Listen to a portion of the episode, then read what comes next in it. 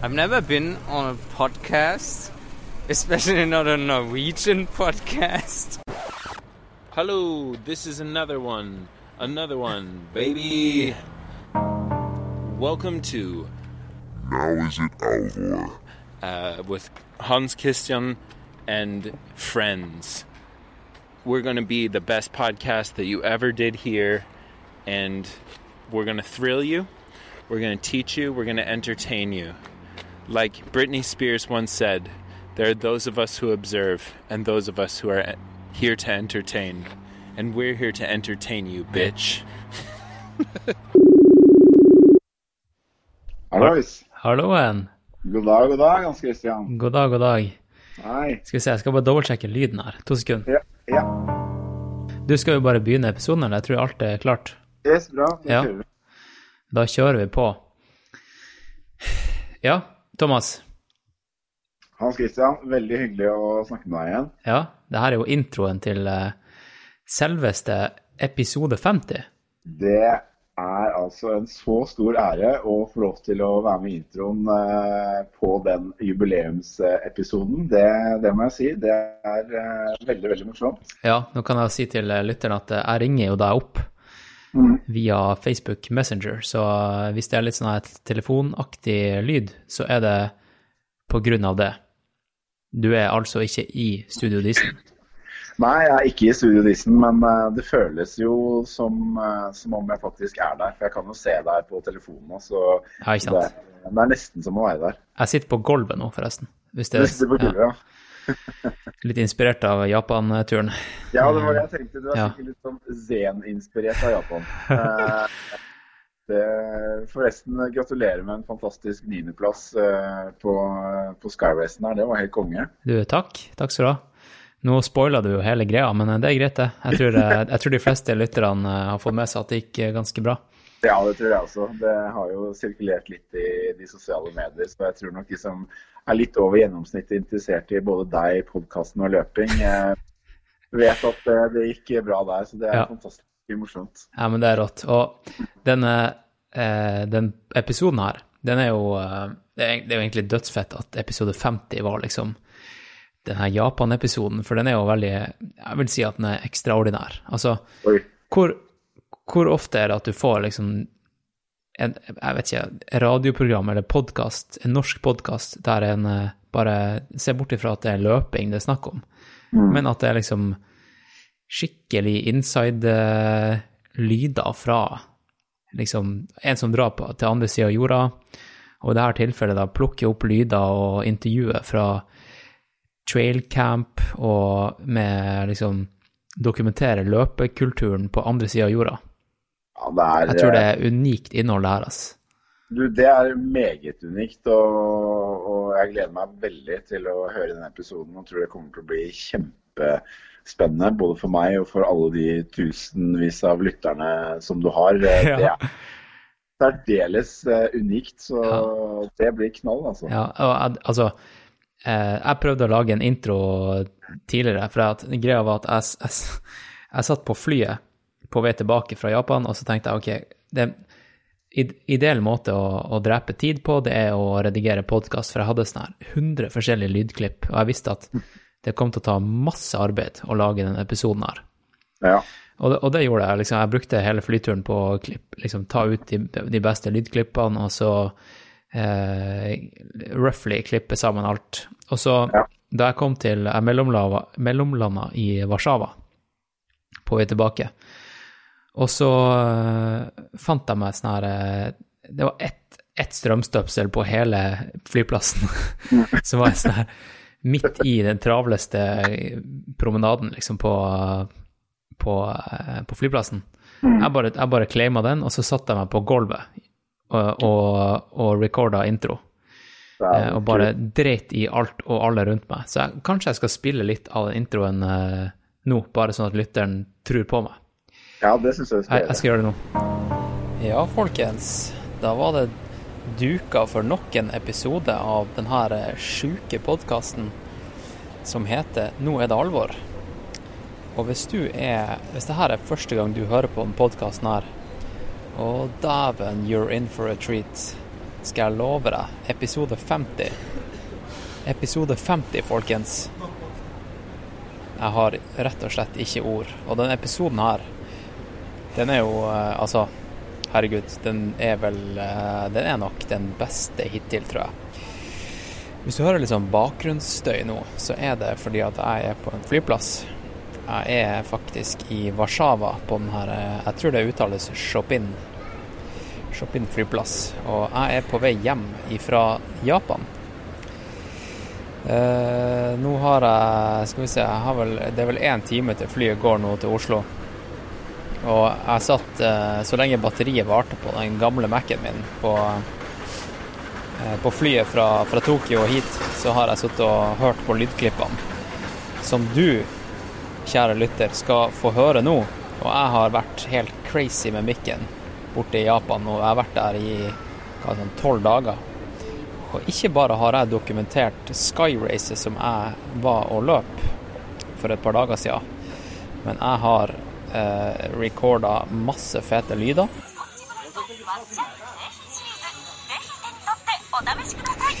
Det er nemlig et eh, audiobonanza der borte. Og jeg har dokumentert japansk fjelløpekultur på nært hold.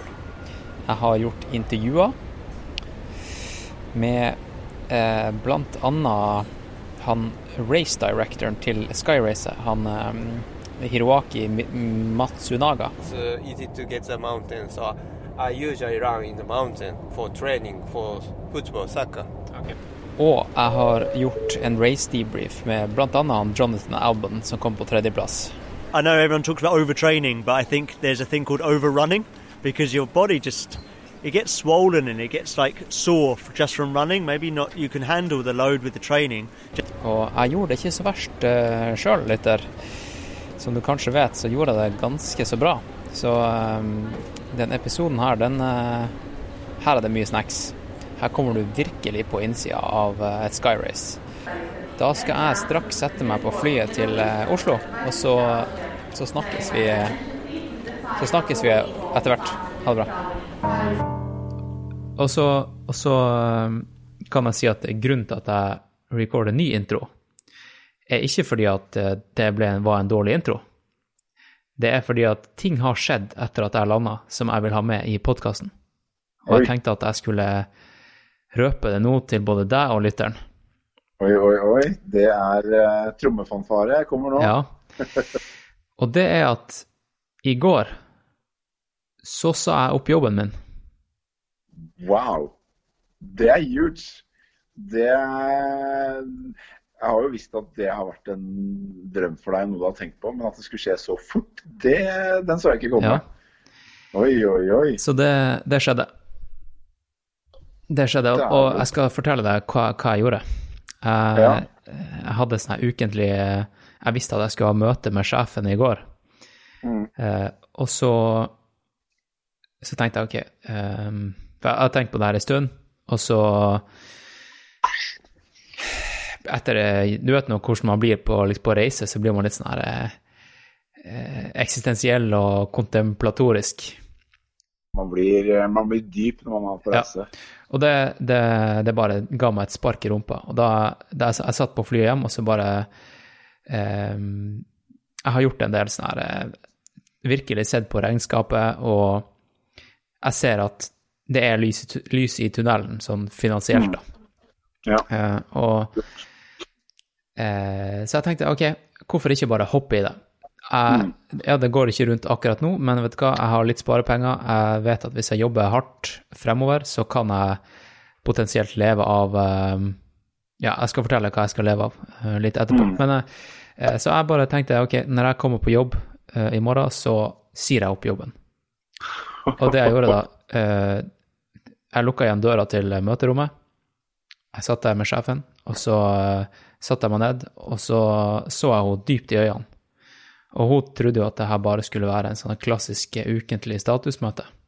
Mm. Og så sa jeg Randi, nå er det alvor.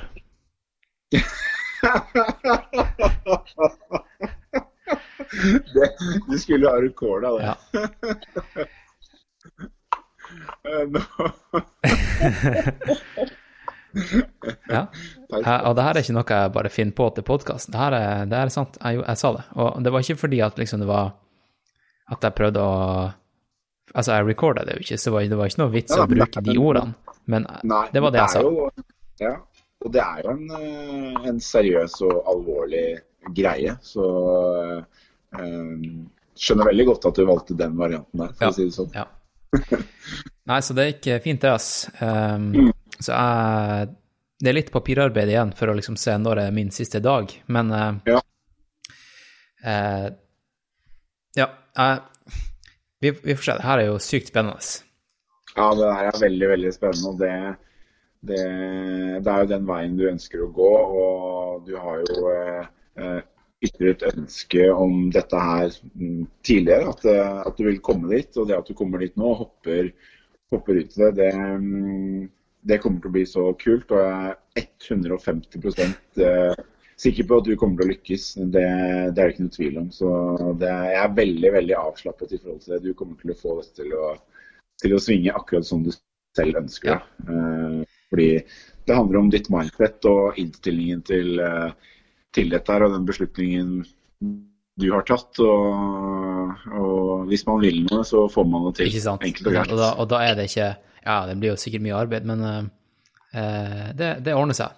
Det er det, det, er det jeg har lyst til. Og det, uh, det handler ikke om penger, det handler om å gjøre det man har lyst til å gjøre.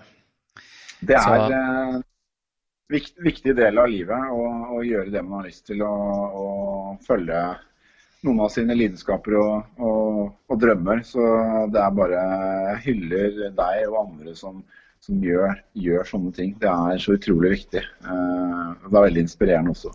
Ja, og så Nå har jeg jo på en måte snakka med så mange folk som også bare gjør det de har lyst til å gjøre, at, eh, Ja. at eh, Altså i podkasten også spesielt. Det Mm. inspirerer meg, og jeg tror det inspirerer andre. Og jeg gjorde det det, ord til handling der, rett og slett. Så det, det er Det føles bra, selv om det er litt sånn uh, scary. Men uh, jeg er jo ikke alene. Det er jo det, er jo det samme som alle andre typer frilansere gjør. Det er jo bare å si ha det bra til en eh, fast, trygg jobb. Det, det er, ikke, er ikke noe, det er ikke noe uvanlig der, liksom. Nei, det er ikke det. altså. Det er mange som, som gjør det, og det er veldig mange som, som uh, klarer seg helt utmerket ved å jobbe sånn. Så, så det, det kommer til å bli, bli en veldig bra greie for deg. Og det kan også gjøre at du kan, tror jeg, eh, i enda større grad også kan fokusere på, mer på løping også, eh, ved siden av. Eh, så jeg tror du klarer å finne en god balanse mellom hvor mye du skal jobbe og hvor mye du skal trene, eh, hvile og restituere deg for å oppnå de mest optimale resultatene som, som du ønsker. Da. Ikke sant? For det, det handler jo ikke om at jeg skal jobbe så sykt lite for å løpe mye mer. For det, jeg springer jo allerede nok. Det, Ja, det, det det handler jo mer om at uh, det blir på mine premisser. At uh, Yes. skal jeg ha en hviledag, så kan jeg sjøl bestemme belastninga den dagen. Det kan du. Uh, og Ja, nei, men det blir fett. Og så det jeg gjorde i Japan, da, fordi det var jo en del dødtid, som Mm. det nå er når man drar et sted for å race. Det vet du jo. Ikke Ja. sant? Du kan ikke drive og være en crazy turist uka før et race. Selv om det frister. Ja, så det jeg gjorde da, var at jeg brukte et par dager på Siden jeg er webutvikler, eh, ikke sant, så er jeg ganske flink til å lage nettsider. Ja. Så jeg lagde en nettside til podkasten. For ja, ja. nå eh, For jeg visste, at, jeg visste at når jeg landa, så skulle jeg si opp jobben, og jeg trenger en nettside for Nå er det alvor. Fordi Nå er det alvor, det er også bedriftsnavnet. Navnet. Ja. Eh, så nå er det alvor. Eh, hvis man går inn på naerdealvor.no, så kan du trykke Gå og lese om eh, ting som jeg tilbyr, Ja, rett og slett. Eh, jeg, skal ikke drive, jeg skal ikke gjøre noe mer eh, selvreklame nå. Jeg tror lytterne eh, finner, ut, finner ut av det. Men eh, eh, gå inn der, og så ser dere eh, hvilke snacks jeg har å tilby. der, er, eh, den, den nettsiden der må dere alle besøke. Der eh, eh, Hans Christian han eh, bjuder på, for å si det Ja, jeg sånn. bjuder på. Jeg byr på. Du, Thomas, hvordan går det med deg, forresten?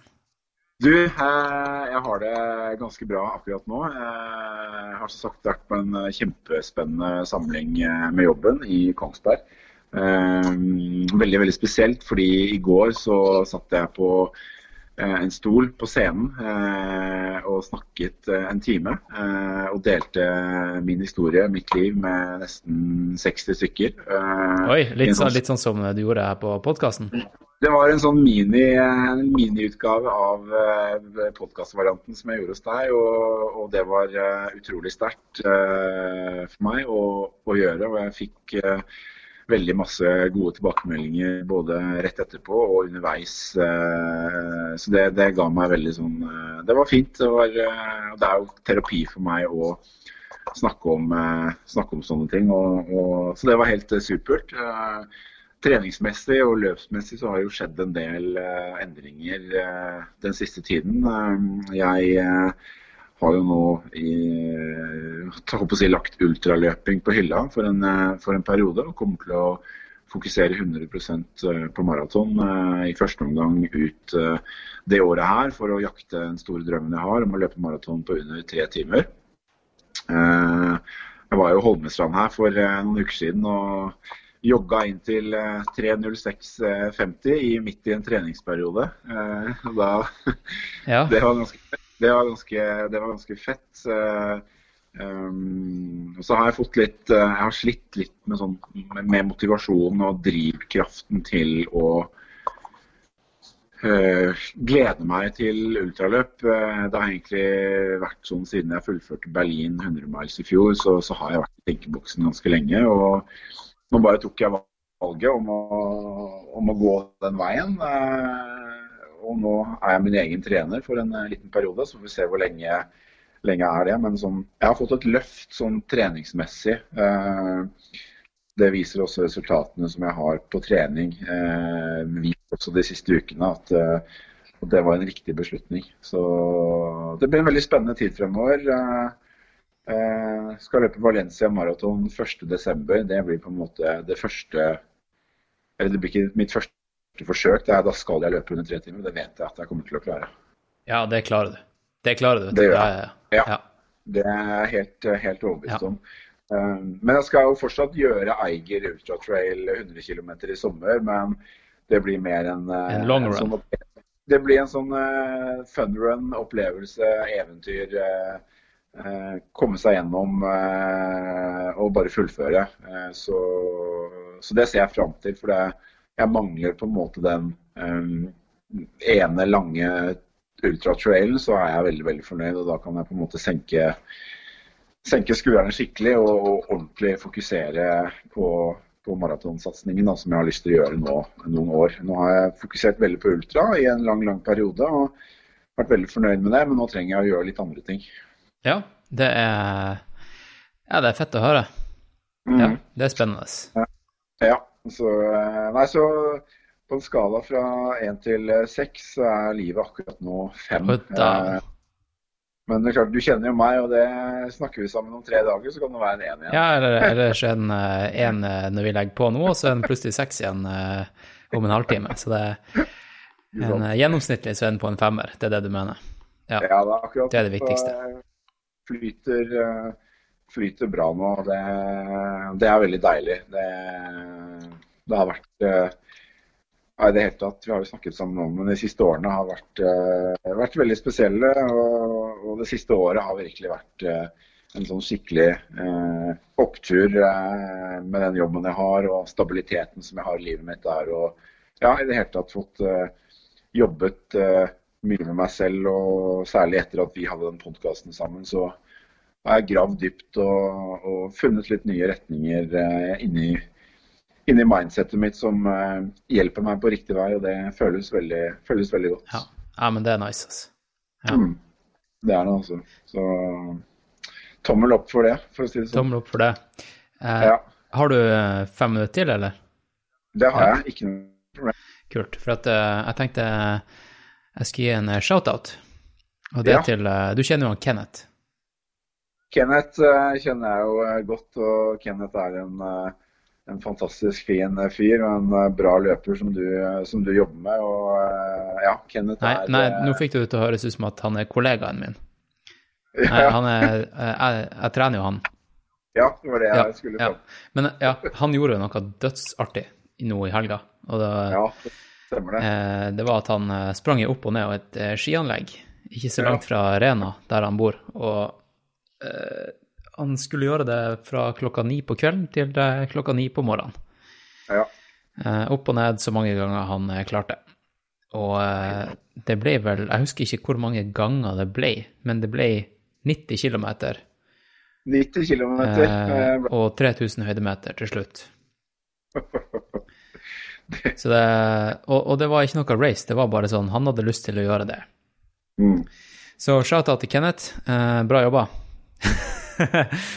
Det er altså det er sånn Det er altså bare Jeg digger jo sånne ting. Eh, og det sier jo veldig mye om hodet til, eh, til Kenneth. Eh, selvfølgelig, du, du skal selvfølgelig ha en, eh, en fysikk til å gjøre det, men, men det der handler ekstremt mye om hodet ditt og den innstillingen du har til den oppgaven du har foran deg. Du skal eh, tøffe opp og ned skibakke i tolv timer. Det er det svært, svært få mennesker i Norge som gjør, i hele verden som, som gidder å gjøre. Og det er bare det er helt rått og veldig veldig beundringsverdig. Det, jeg fikk et par snaps av han underveis, og jeg bare ble så imponert. Ja. Det bare inspirerer meg veldig. Eh, Noen mennesker som Kenneth eh, flytte grensene for seg selv på hva som er mulig å gjøre, både fysisk og mentalt. Og, og, og sette seg i en sånn relativt ukomfortabel eh, setting og, pushe på i tolv timer alene opp og ned en skibakke, det, det, er, eh, ja, det, er helt, det er helt sinnssykt. Det er stum av beundring, for å si det sånn. Det er rått, altså. Eh, og så tenker jeg, før, før jeg starter episoden, da, eh, er jo at eh, jeg bruker jo å, å, å gi en shout-out til alle som støtter meg. Mm. Men det jeg har begynt å gjøre nå, er å bryte opp episoden midt i, eller sånn sporadisk, eh, og eh, gi de shout-outsene underveis. Mm. fordi det er jo såpass mange nå. Ja, det Takk. begynner å bli mange. Det er Eh, det. er faktisk nesten 100 individer. Eh, så det går ikke an å ramse opp en, eh, en eh, på en gang. Så, Nei, så, så det kommer jeg til å gjøre underveis. Og hvis du har lyst til å støtte podkasten og sørge for at uh, det kommer flere sånne her unike episoder med inside recordings fra, uh, fra de her racene rundt omkring i verden, og dokumentering av løpekultur og uh, race, um, så er det bare å gå inn på uh, patreon.com, altså patreon.com slash alvorpodkast.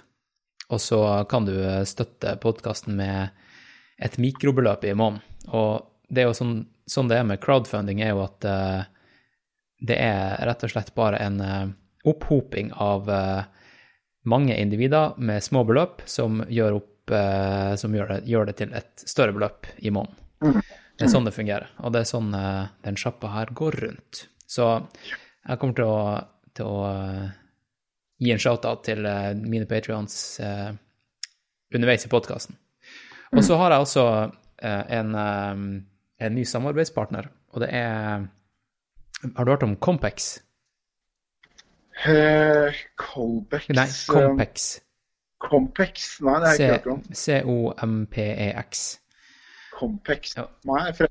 Ja, de er ikke en direkte sånn sponsor av denne episoden um, per se, men eh, de, er, de er med å støtte meg som idretts, idrettsutøver, og jeg tenkte bare å gi en eh, shout-out, fordi at um, Og det her er jo en genuin shout-out, fordi at det var ikke sånn at de kom til meg og sa at hei, Hans Christian, kan du kan vi bruke Nå er det alvor-podkasten som en kanal for å og, og deg som influencer, ikke sant. Det var jeg som ringte dem og spurte om de var gira på et samarbeid, fordi at jeg hadde lyst til å ta i bruk utstyret deres. Og det Ja. utstyret deres er, det er sånn her EMS. Eh, har du hørt om EMS? Elektromuskelstimulator. Å ja, de der eh, Ja, det har jeg hørt Ja, og det er jo sånne her pads som eh, eh, på en måte contracter musklene dine. Ja, Ikke stemmer. sant? Så du klasker de her på huden, og så, eh, og så eh, hva, hva heter det på norsk? Contract? Eh, På norsk så heter strammer eh, huden, Ja. eller altså Ja. Ja, uansett, da. Eh, Så, så har man en sånn her liten mikrocomputer her som ser ut som en smarttelefon. Mm. og så er den trådløs, så du, du bare fester i padsene på, på de musklene og de områdene du vil eh, stimulere, og så skrur du på eh, en, altså det riktige programmet. Eh, og Ja. da er det liksom OK, skal du bli mer fit, eller skal du ha recovery, eller vil du ha massasje, eller whatever. Og jeg bruker de her mellom økter og etter økter og etter race for Mm. å komme meg, komme meg enda kjappere, da. Ja, så bra. Så eh, jeg vil bare si er- shout-out til Compex. Eh, jeg brukte det Jeg og John Alban brukte For han bruker det også. Ja, stemmer det. Han, eh, han løper jo også ut på i Japan. Også. Ja. Eh, så det har jeg fått eh, brukt masse i den siste måneden nå. Og takk til Compex, rett og slett. Takk til uh, Compex. Eh, veldig kult at dere er på laget til eh, Hans Christian. Herlig. Ja. Eh, og så hvis du har litt mer tid, så kan vi jo dra det over i utroen. Det kan vi gjøre. Jeg har mer tid, jeg. Ja. Så eh, kos deg med dagens episode, og så eh, snakkes vi etterpå.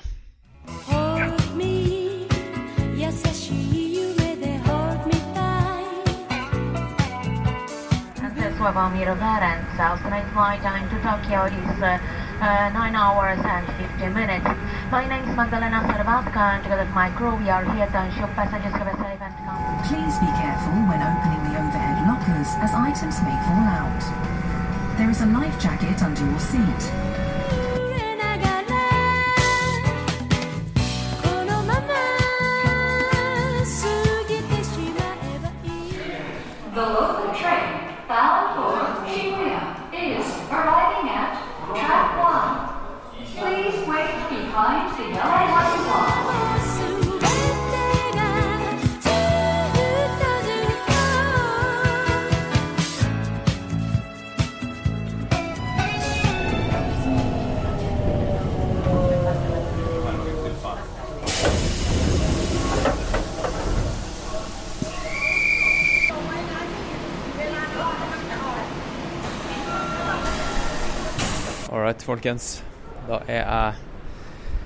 Da er jeg rett og slett eh, kommet til eh, selveste Tokyo. Eh, nå har jeg nettopp sjekka inn, eh, eller dumpa bagasjen min på hotellet mitt. Og det jeg kan si da, er at eh, det hotellet her, det er ikke som alle andre hotell. Det er eh, Det er et såkalt kapselhotell. Eh, hvis dere har sett eh, noen sånne snåle videoer fra Japan der folk sover i sånne her skuffer, så er det det jeg har eh, booka meg nå. Jeg har rett og slett booka meg en, en skuff for natta, fordi Tokyo er verdens dyreste by, og det sto mellom et eh, hotellrom på 2500 kroner eller 200 kroner. Ehm, så det blir jo spennende. Det var vist at check-in var ikke før klokka fire i dag, og nå er klokka tolv. Så jeg måtte bare dumpe bagasje, og så eh, har jeg rett og slett eh, tatt på meg løpeskoene, eh, eller trailskoene. Nå skal jeg gjøre en liten urban løpetur her med Salomon S-Lab Sense Softground 6 på beina. Eh, jeg har på meg en liten sekk. Jeg har med meg mikken. Og jeg tenkte jeg skulle ta dere med på en liten tur her i Tokyo. Eh, I morgen drar jeg til, til eh, Sanyo, eller Ni- Nigata som det heter. Eh, jeg tar Shinkanse-toget, altså det her eh, ekspresstoget som går lynraskt over landet. Tokyo er på en måte eh, sørøst på den her hovedøya på Japan, i Japan, og Nigata er på motsatt side, altså mot Kina-havet. Eh, så nå skal jeg Nå skal jeg ut og løpe litt. Nå skal jeg ut og løpe litt, og så eh, Vet du hva, jeg skal ta og navigere litt først, og så skal jeg, eh, jeg skal finne ut hvor jeg skal løpe. All right, folkens. Da er jeg tilbake. Jeg er med den her eh, Imperial Palace Park, eller hva det heter. Og det viser at eh, man må ha billett for å komme inn. Eh, men vet du hva, det gjør ingenting, fordi det er en ekstremt lang kø. Og det er kø jeg ikke har tenkt å stille meg i. Jeg har heller lyst til å springe. Nå har jeg løpt i ca. tre km. Og eh, jeg har ikke tenkt å gå inn der og være turist i dag. Det er et rabbit hole, tror jeg. Så det jeg skal gjøre, jeg, skal, jeg tror jeg spotter noen løpere som driver og springer rundt parken. Jeg hørte en podkast eh, i forkant av det Tokyo Maraton som var for et, ja, en måned siden. Og da var det vel eh, Det var ei som sa at hun drev og, og, og løp rundt, park, rundt denne parken her. Og her ser jeg en som eh, en som traver rundt i noen eh, Nike Vaporfly her. Så her er det Her er, tror jeg det er mye snacks. Her er det mye snacks. OK. Jeg tar og har mikken på litt, så ser vi hva som skjer.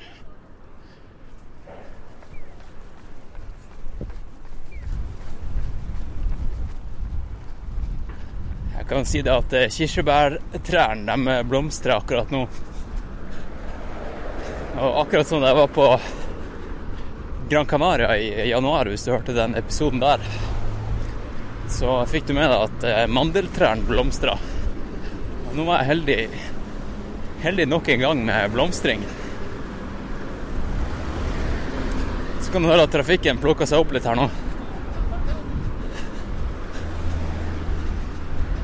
Det her er jo i midten av Tokyo. Og det virker som at denne parken i midten her, som er keiseren sin sitt palass, eller park, jeg vet ikke helt hva det er.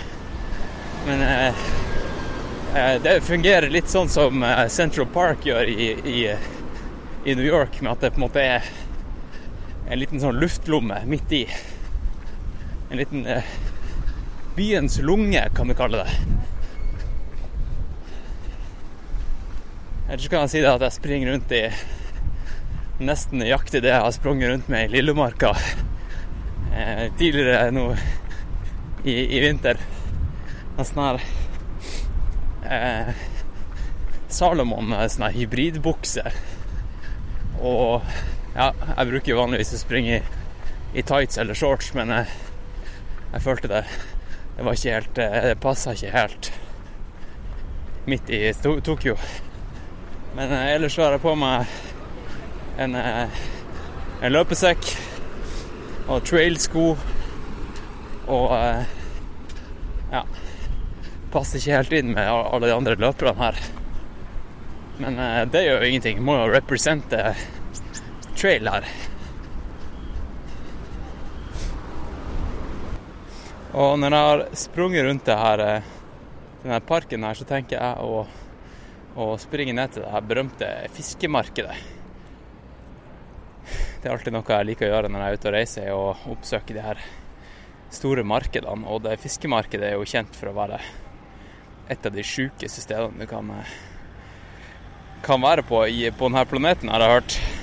Så det gleder jeg meg til. Se på, se på litt eh, Se på litt crazy fisker og se hva de serverer av, av mat der, og, og lukte nye lukter. Så eh, da skal jeg ta og Jeg tror jeg pakker bort mikken, og så tar jeg den opp igjen når jeg kommer til fiskemarkedet. Se for deg nå, lytter. Det er ca. ti grader. Litt sånn varm vind. Noen sånne her små, nette joggere som springer rundt her i sånne rosa rosa capser. Og ja, der så jeg faktisk en eh, løpevest på ene jenta. Ukjent, uh, ukjent brand. En del turister. Og uh, ja, god stemning. Litt overskya. Uh, litt, litt regn, men bra stemning. OK, vi snakkes. All right, folkens. Da har jeg stoppa, Garmin-klokka mi, og nå er jeg ved veis ende med denne løpeturen. Men eh, det er, det er jo nå, føler jeg, at denne eh, sightseeinga virkelig starter. Fordi nå er jeg med det fiskemarkedet, og dæven, det er mye artig å se på her. Og det er jo ikke Altså, det er ikke det du kan tenke deg som ei sånn her eh, norsk, norsk havn med, med masse sjarker og folk som selger reker med, med kaia. Det her er rett og slett eh, masse smågater og eh, utsalgssteder, små boder med ting som folk har laga av dagens ferskeste fangst. Og noe jeg har lagt merke til her, det er Eh, ja, selvfølgelig er det masse sushi og sånne klassiske sashimi-greier. Men det er noe sånn her eh, Noe som folk driver og snekker på. Det ser ut som sånne trekanta, nesten pyramideforma um, riskake med et fyll av ulike sorter, og så har det en sånn her type nori-wrapping, altså sånn her um, sjøgress-wrap rundt. Og det får på en måte plass i, i, hånd, i hånda di, da. Så det er veldig bra sånn her on the go-snack. Eh, skal vi se hva slags andre ting de har her. Skal prøve å beskrive så bra jeg kan. Se her. Artig, det er veldig mye folk, men folk er så stille.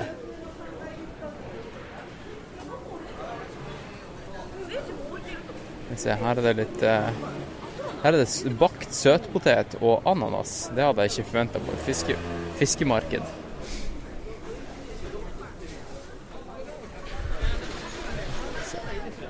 Her er det jo også veldig mye fersk fisk. Her ser jeg jo det er jo tunfisk her. Det er jo det det går i. Tunfisk og rogn og lever og ja.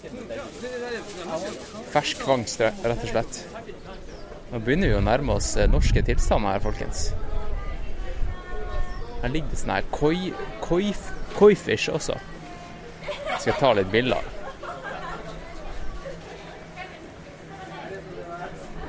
Nå må jeg prøve å ikke la meg friste av, eh, av eh, noen her eh, lugubre, funky greier her, for jeg har jo et race om ei, om ei uke. Jeg kan ikke drive og snakke på ting som kan være farlig. Nå skal jeg gå inn i en liten bod her.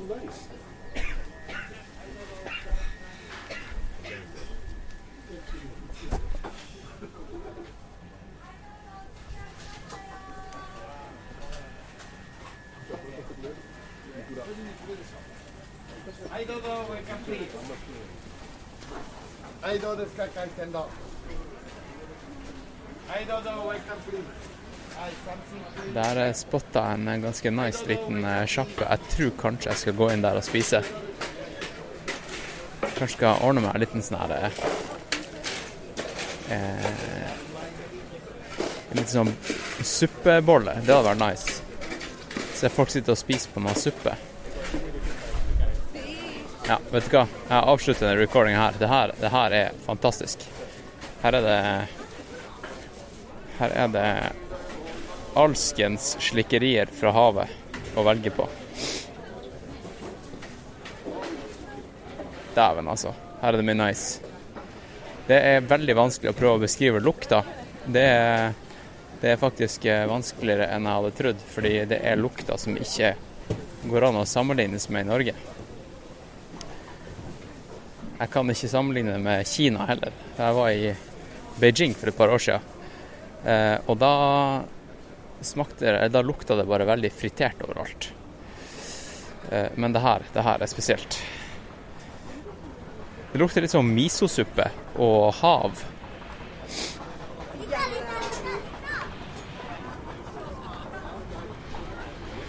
Men vi kan jo dra eh, praten tilbake til løping, da. Jeg har ikke sett så veldig mye løpere, egentlig. Jeg kan kanskje telle på to hender hvor mange løpere jeg har sett nå hittil. Og der ser jeg blekksprut på spidd, ja. Med søtpotet. Sprøtt. Eh, så hittil så har ikke Japan, eh, eller Tokyo, vist seg fra sin beste løpeside. Det er jo veldig mye folk, så jeg hadde nesten forventa at, at jeg skulle se mer løpere. Men de kanskje er på jobb. Jeg vet at Japan har jo veldig sånn heftig jobbkultur. Jeg leste nettopp en artikkel om at nå er det blitt vanlig og akseptabelt for pendlere å sove på gata i Tokyo. Det er sprøtt. Det er sprøtt. Skal vi se her. Her er det noe sånn her tørrfisk som er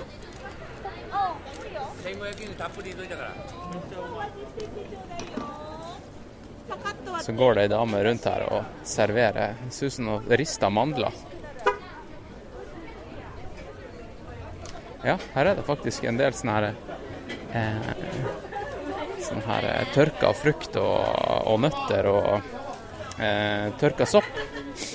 Sopp som er nice å ha i suppe og ramen og sånt. Masse snacks her. Og dæven, hvis dere har sett de her eh, japanske omelettvideoene på YouTube, så er det det han driver med nå. Dæven. Det her er fett.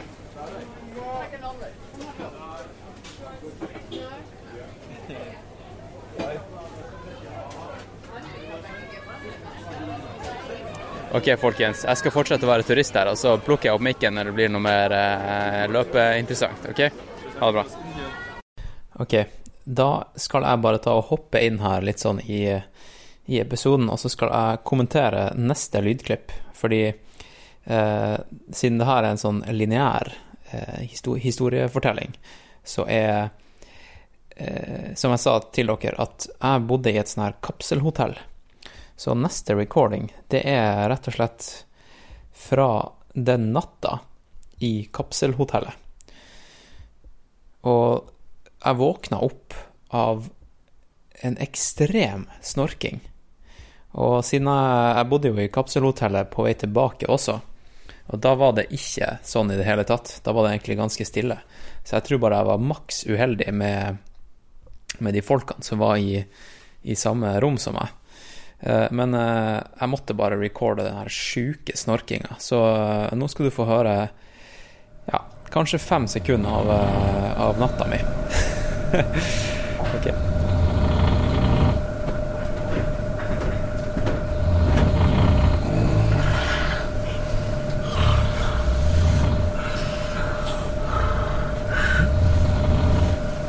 Ok, da har du fått hørt eh, litt eh, snorking her i Noe det. Tilbake til episoden. Ok, folkens. Da er Da er det lørdag. Det er lørdag den 13. april. Og nå er jeg og går meg en liten tur til eh, ei sjappe som jeg var i i går kveld. Og jeg hadde faktisk ikke med meg mikrofon da. Men jeg var innom der, og så tenkte jeg shit, det her må alle i verden høre. For det var Ikke bare var det ei sjuk sjappe med alt du kan tenke deg av snåle ting. Eh, se for deg alt, eh, alt ifra sånne her eh, gourmet matprodukter til sånn her klassisk jug juggel du får tak i på stranda på Gran Canaria. Eh, og masse sånn her godteri du aldri har hørt om, eller hvis det fantes. Um, altså typ tørka Tørka og sylta fisk, liksom. Um, men uh, det var ikke det som var artig. Altså, det jeg tenkte var å, å dokumentere alle lydene der inne. For det var Det var bare masse radioer som sto på overalt, med helt sjuke sanger.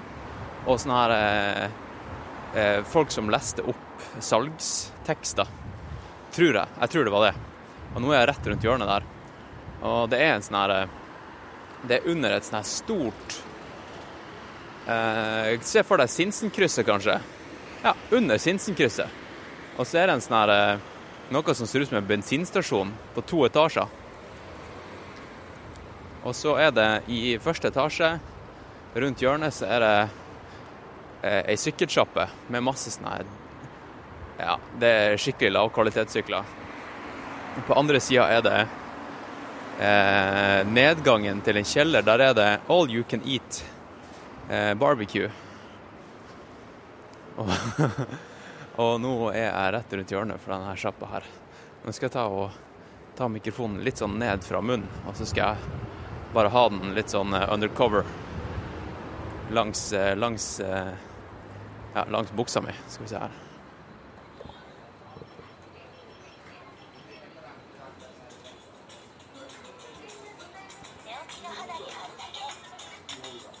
Ja, som du hører, så er jeg inne nå. Nå skal jeg bare ta og gå litt rundt her med mikrofonen, så skal jeg dokumentere litt.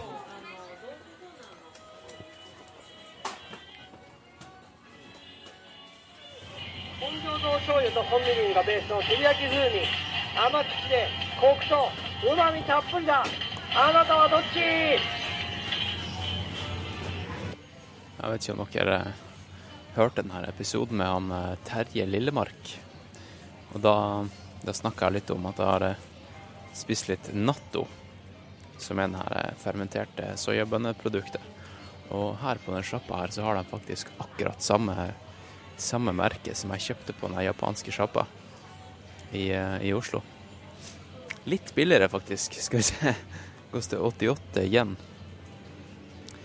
Og nå vet jeg ikke helt hva man eh, konverterer det til, men eh, det er jo ingenting. Jeg tror egentlig eh, Jeg tror en vanlig, en vanlig frokost her koster Hvis du vil eh, Hvis du vil ha en god frokost, jeg tror jeg betalte sånn 800 igjen i stad. Og det var på 7-Eleven, liksom. Og her koster det koster nattoen 88 igjen. Og eh, i Oslo tror jeg betalte 88 kroner, så det sier jo litt. OK, jeg går litt videre her. Skal prøve å få litt, eh, litt flere lyder. Masse tørka frukt.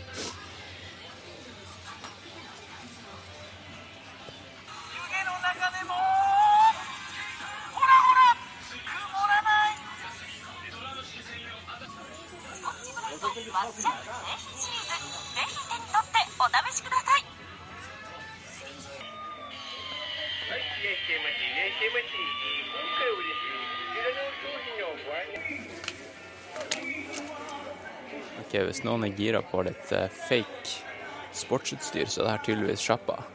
Hvis du vil ha litt eh, noen jakker, f.eks., så har de masse championjakker her.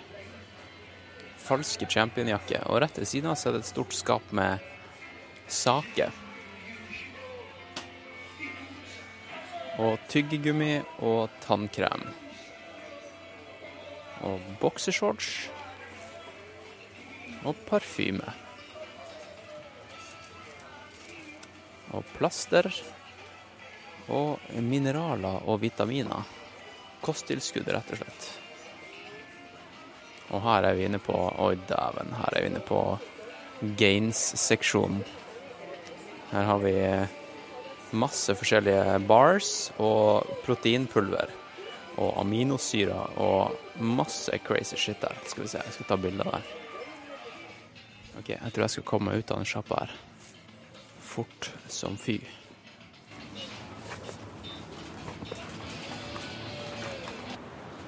Noe annet som hadde vært kult å ta lydopptak av, er faktisk når man tar ut penger fra bankautomaten. Eller alle de her vending machinesene, for de har veldig mye kule lydeffekter. Altså Hver eneste ting som skjer på skjermen, har en lydeffekt og en eller annen feedback med en sang. Det hadde vært kult å få det tatt opp. Ok, Jeg kan jo si det at uh, i dag har jeg vært på, på en liten løpetur, ca. 6-7 km. Det er, det er ganske tidlig på morgenen fortsatt. Det var nesten ingen folk ute. Jeg spiste frokost. Jeg var ute halv åtte, kanskje. Uh, først. Jeg sto opp i seks-halv sju-tida. Så gikk jeg ut døra, og så tenkte jeg at jeg skulle spise litt uh, frokost. Og så var det jo ingenting åpent. Og så skjønte jeg shit, det er jo faktisk eh, Det er jo lørdag. Eh, Men jeg dro på en 7-Eleven, kjøpte frokost. eh, Kjøpte noe sånn risball med laks og majones inni. Og en sånn her egg, eggerøresandwich og litt yoghurt. Og en kaffe. Og så spiste jeg det, og så venta jeg litt. Og så stakk jeg ut, og så sprang jeg i en park som heter Hibia park. Og så kommer jeg meg tilbake til hotellet, og nå har jeg nå har jeg sjekka ut. Og nå skal jeg straks, eller etterpå, skal jeg ta og møte noen folk som jeg ble kjent med, eller som er familievenner. Eh, og jeg var jo her da jeg var tolv år gammel, og jeg skal faktisk møte de folkene som jeg møtte da. Det er 18 år siden, folkens. Det er 18 år siden. Så det gleder jeg meg til. Eh, og etter det skal jeg sette meg på lyntoget, Shinkansen, eh, og eh, rett og slett ta toget til andre side av andre sida av landet. Til eh, Sanjo, der racet, det her Sky-racet, Mount Ava, skal bli gjennomført om nøyaktig ei uke og én dag. Så eh, det er planen for i dag. Og så tror jeg at jeg skal bare gå litt rundt og skal lete etter litt gull lyder. Eh, ja, det er planen. Og så skal jeg Ja, vi får se. Vi får se. Over og ut. All right, folkens. Nå er jeg på togperrongen i Nagaoka. Eh, nå har jeg tatt eh, Shinkansen, som er det her lyntoget fra Tokyo til eh, ja, Nagaoka, som jeg er nå. Og eh, det er en by på kanskje Jeg vet ikke fem eh, Kanskje en million mennesker. Og nå skal jeg ta lokaltoget videre til, eh, til Sanyo. Mitsuke Station heter det. Og skal vi se her Nå kom det her lokaltoget. Og det skal jeg gå på, så det kan være at jeg må legge på nå. At jeg må rett og slett si over og ut. Eh, men her er i hvert fall litt lydeffekter fra når jeg går på. Excuse me. Is for uh, Mitsuke station? Mitsuke. Yeah, Mitsuke. I keep it. Yeah.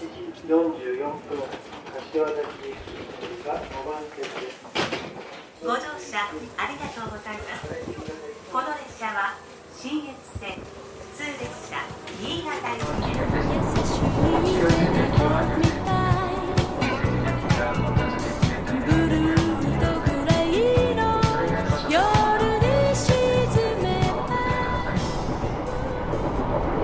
Ok, da er programlederen tilbake og avbryter litt her, eh, bare for å sette litt kontekst. Og eh, jeg ankom eh, Mitske etter eh, det du hørte nettopp, og så eh, overnatta jeg vel på hotellet, og så eh, dagen etterpå så ble jeg henta av han her race-directoren til, til Mount Ava Sky Race, han Hiroaki Mits Matsunaga, heter han vel.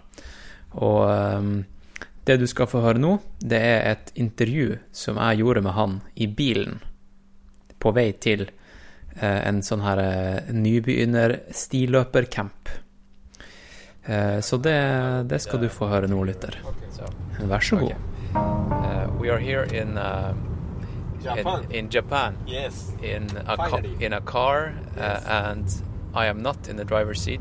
I am But you are left. on the left side, Yeah. uh, as we are in Japan, and uh, the driver is. You can say your name.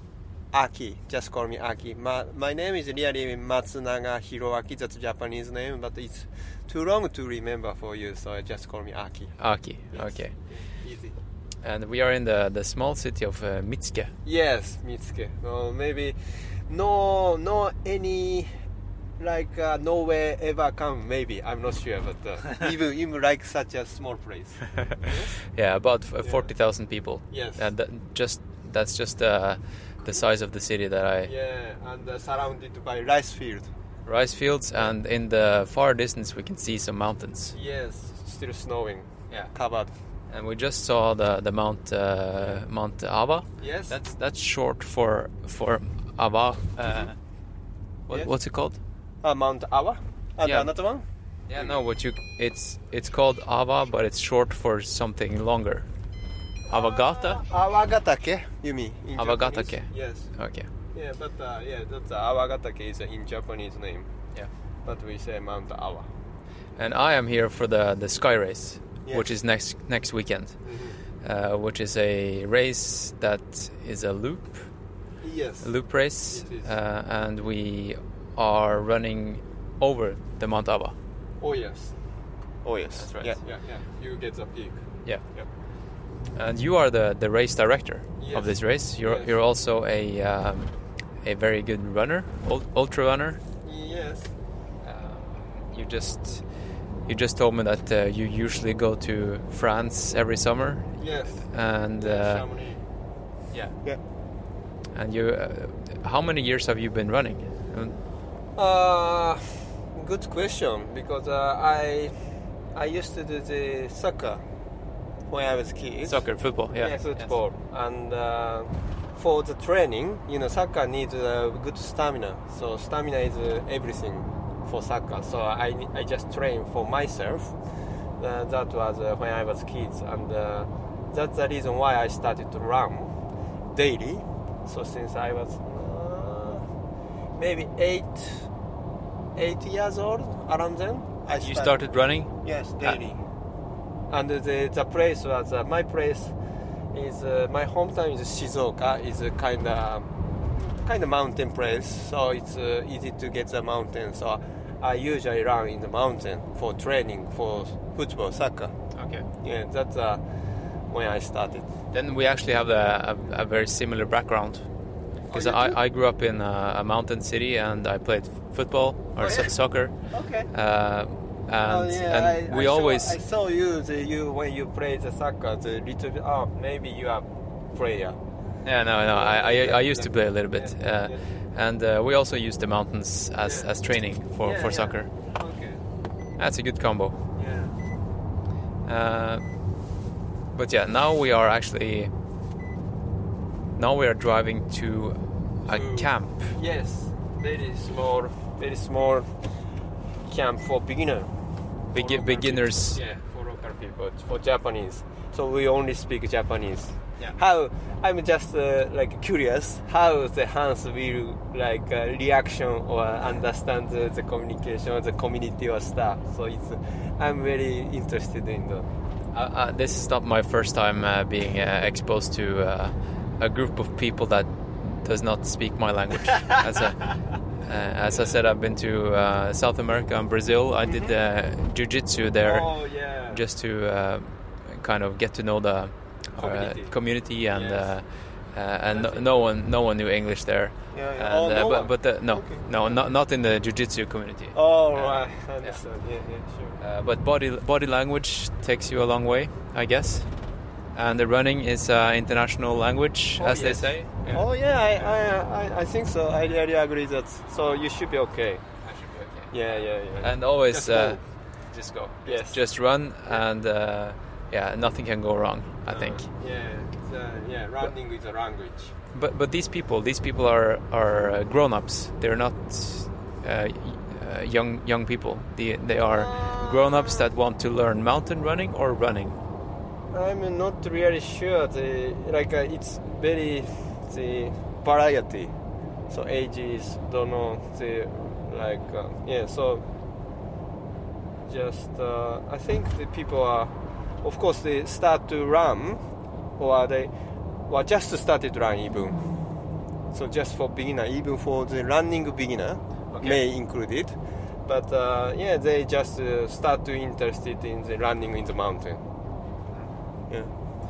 You are, uh, as we talked about, you are a runner yourself, and you've done uh, you've done UTMB seven times. You said. Yes. Yes, I done the seven times. What, what would you say is your favorite race of all time? Uh, all over the world, you mean? All over the world, yeah. Yeah, UTMB is good. I think it's uh, one of the best one. I think the scenery and the people around there because I have some friends already. So that was that's the reason why I'm going keep going there. Yeah. Yeah. But But any, uh, what about Japan and the running culture here in Japan? Mountain running culture, ultra running culture. We talked about it a little bit during our uh, yes. The lunch here, and uh, you said it's been kind of exponentially uh, grown the last ten years. Yes, I think so. The, the interest of uh, running on trails has has uh, has As peaked. like peaked. Yes, yes. Yeah. yeah. Mm. Yeah, sure. Uh, hmm, it's a kind of controversy because uh, I say uh, we as animal we used to live in the the nature or mountain. I mean the, to get to get food or for survive. So like uh, I think people just start to get back to the mountain because of the like uh, their ancient times uh, memory or stuff. I think. Yeah. So yeah, just back to the nature. I mean back to the natural. I think so. I think so too. Yeah. Yeah. So I think it's happening all around the world. yeah, Yeah. I think People are- nowadays. people are too much. Yeah, too much. You know the PC, too much uh, blue light, too much social media maybe. Yeah. yeah, but uh, and people are in their office uh, 10 hours a day uh, and just it doesn't make sense people are seeking nature in the weekends at least to yeah. to get closer to to our roots yeah I guess. to our roots. yes i think so. So yeah like uh, that why i feel a little bit uh, kind of strange like uh, mountain running getting popular but uh, just uh, getting back getting back. Not like something new i mean like uh, we the mountain running isn't new for us probably.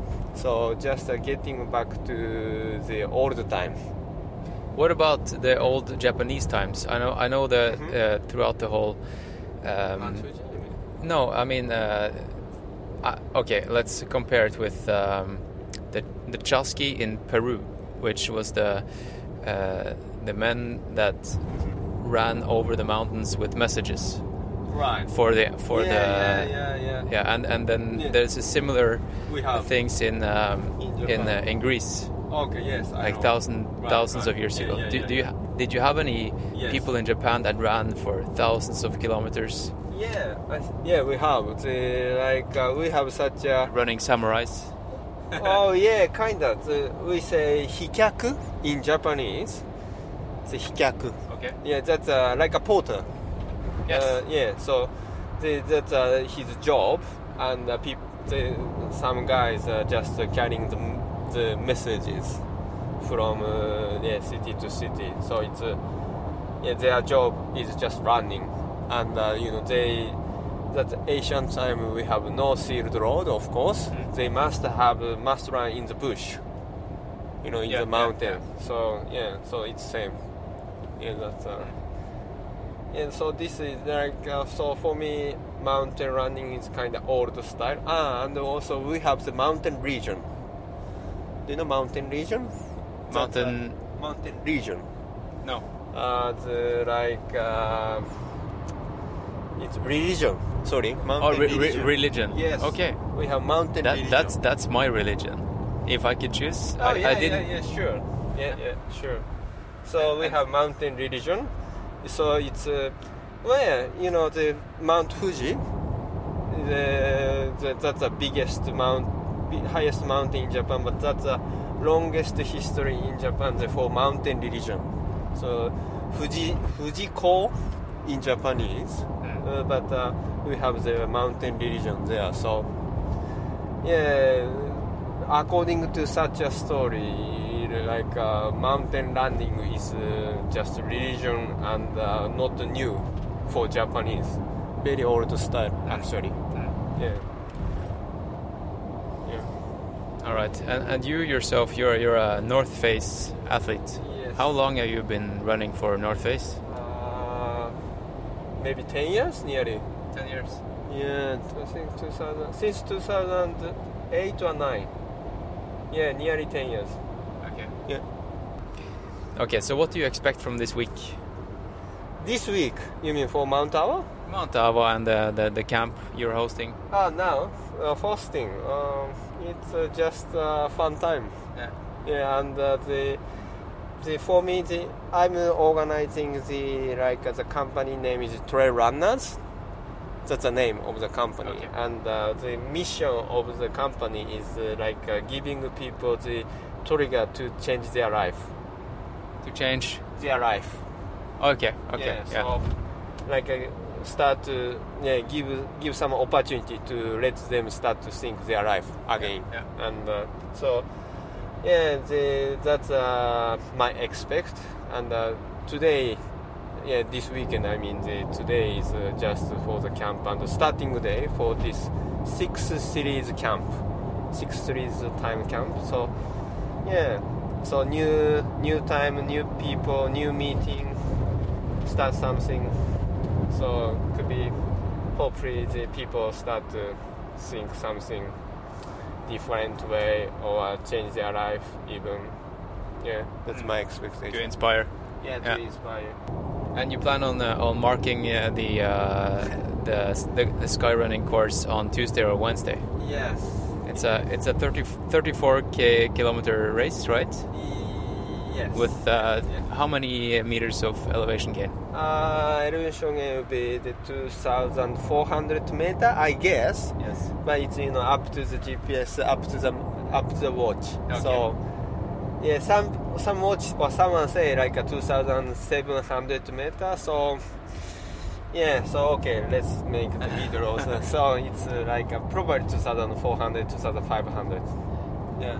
Would you say that uh, it's a hard race compared to other races? Uh, yeah, it's uh, not just a number.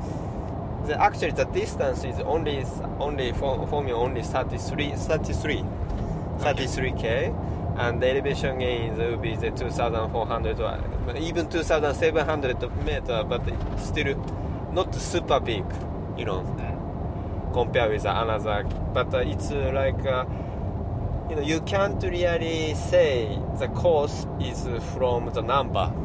You understand? so yes. yeah. So now we go, we get uh, out of the highway. All right, all Yeah. right, yeah. A- And I see some very nice uh, snowy peaks in the oh background. yeah, that's uh, that's also I was planning the like uh, Echigo Sanzan. That's a- that's a mountain? Mountains. Yeah, like uh, 2,000 meters mountains. That's uh, three peaks. It's good, but. Uh, Ok, da var det dags for å avbryte podkasten litt med å takke mine patrions.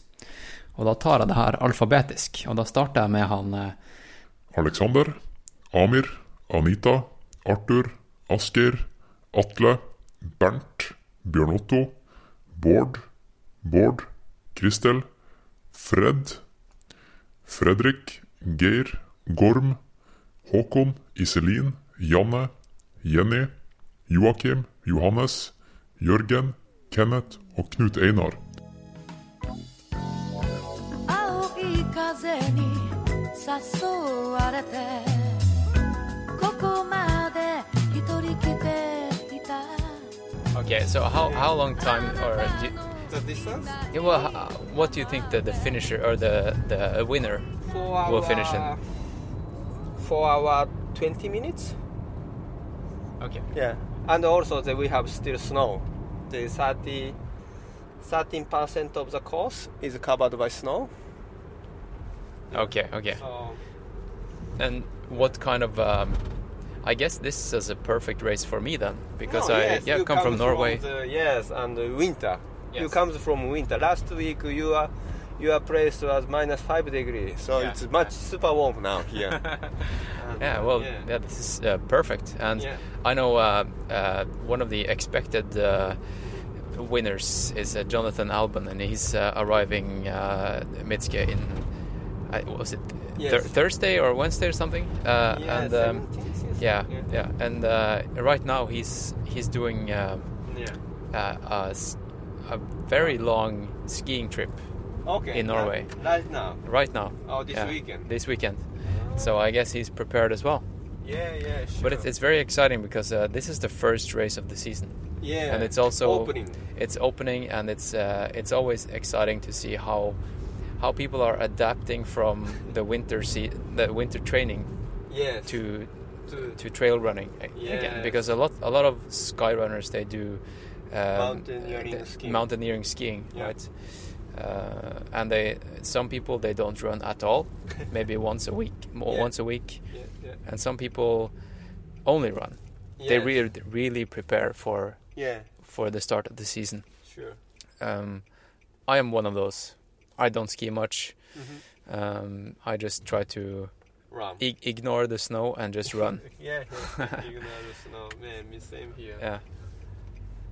So the the community here in, in Mitske, uh, Mm-hmm. mountain running is how many people do you think um, if you could gather a group of people From Mitske only? from, from Mitske only uh, that do mountain running and, and use the the race course as a training ground how many people do you think that is Uh, I don't. 10? Like uh, yeah, maybe even ten or less even. And uh, you mean four hour? Yeah. You mean four hour? Maybe one or two even. That, that's what's so funny about these races is because Yeah. uh, it makes you travel to a, a small Some- place like Mitske Yeah. and uh, you you get to. I mean, there's not even a big community. No. No. No, no. But you're kind of a loner here then. Oh yeah, Yeah? it is. Yeah, but I don't care. I mean the, I mean, I yeah, I'm quite lonely, and I have not really. I can't say I I have friends here. No, at all.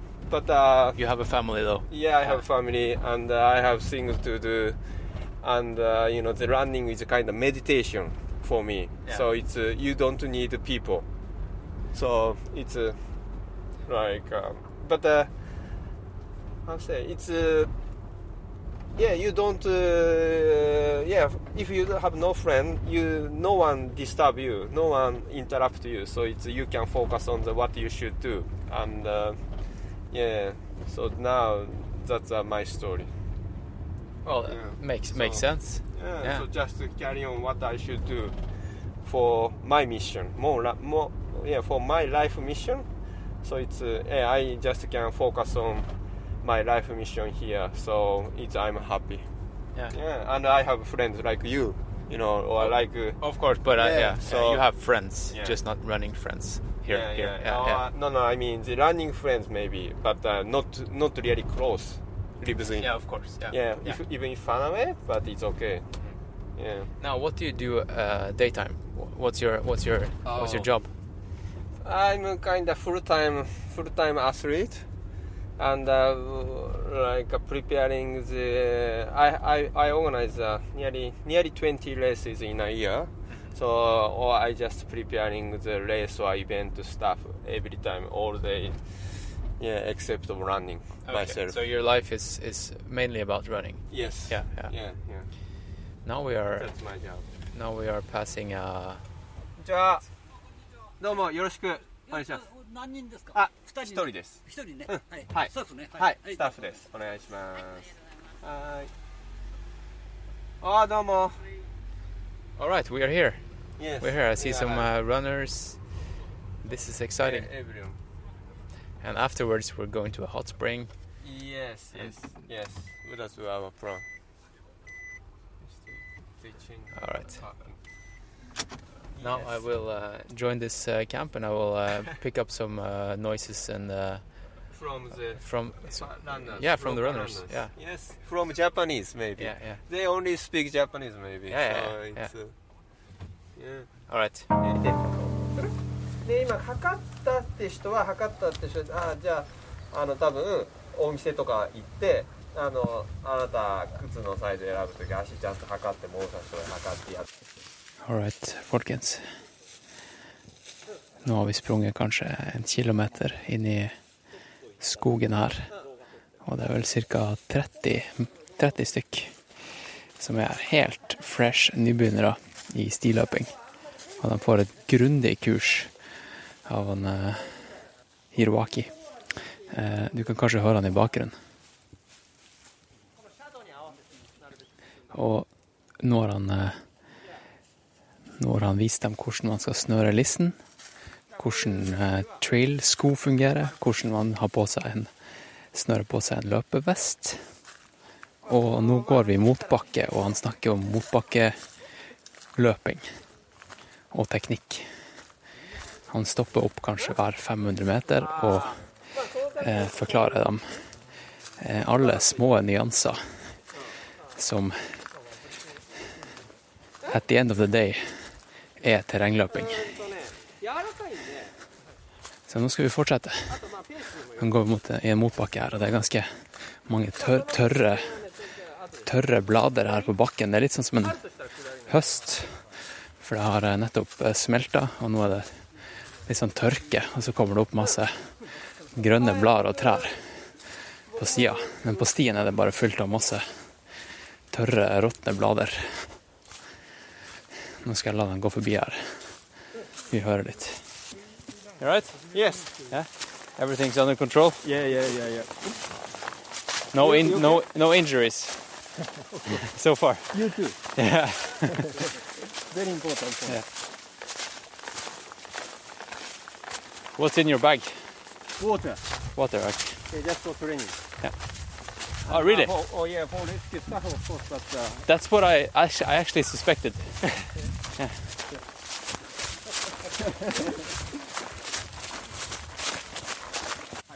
All right. Nå er det dags for eh, å demonstrere oppover powerhiking her. Skal vi se hva han Hiroaki Det her er veldig interessant, folkens, fordi han eh, han viser dem på en måte hvordan vi fysiologisk er bygd opp, og hvilke muskler vi bruker når vi går opp og når vi springer ned, og hvordan vi kan eh, påvirke hvilke muskler vi bruker i oppover- og nedoverløping. Akkurat nå snakker han, om hamstring, ser jeg. Peker på hamstring. I stad peker han på hofteleddsbøyeren og quadriceps. Og snakka litt om eh, hvor man burde ha fokus for å forebygge å vrikke foten, f.eks., og helt sånn her basic ting. Så han eh, Hiroaki har virkelig, virkelig satt stiløping i system her. Veldig, veldig interessant.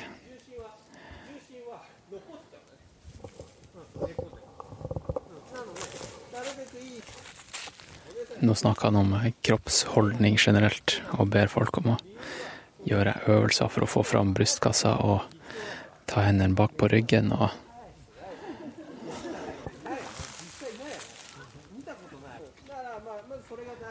De her folkene her, de følger så sykt bra med nå. All folkens. Da har vi stoppa på en liten eh, ut, et utsiktspunkt der vi kan se utover eh, til og de andre fjelltoppene i området. Og vi har nettopp tatt eh, gruppebilde, og det er et sånn lite platå. En liten sånn trepaviljong, nesten.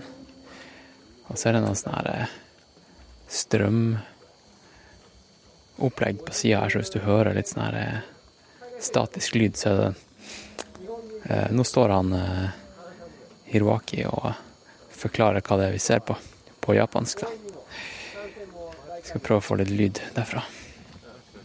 世界の世界シリーズの開幕戦が日本のしかも新潟のしかも上がったすごいよなんか人間じゃないよ Folk står og stretcher og tar seg en gel. De har nettopp blitt introdusert til hva sportsernæring er, og hva en gel er. Og det er ganske interessant. Jeg ser at folk driver og smaker på gels som om det var noe helt nytt. Altså noe helt sånn, akkurat som at jeg skulle prøvd noe sånn her eh, japansk mat for første gang, så spiste jeg gels nå. Artig. Noe som også er artig å observere her, er jo liksom eh, utstyr og sånt. Hva de står han og ser på bilder. Ja, og ser hva det er folk bruker av slags utstyr her. Og det Nå kan jeg si hva det er slags sko folk har. Det er, det er Salomon, det er North Face, og det er Brooks, Adidas og Mon Montrail, altså Colombia. Men, eh, og én Innovate her, og én Terex. Det er nesten som å være på stirsdag. Det er helt klart North Face og Salomon som har kuppa markedet her i, i Japan. Ellers er det sånn her eh, sokkemerke som eh, jeg har sett litt av i, i Norge, eh, som heter 3C Fit. Som de bruker som sånn her compression-tøy også her. Ellers er det ikke noe nytt og fancy.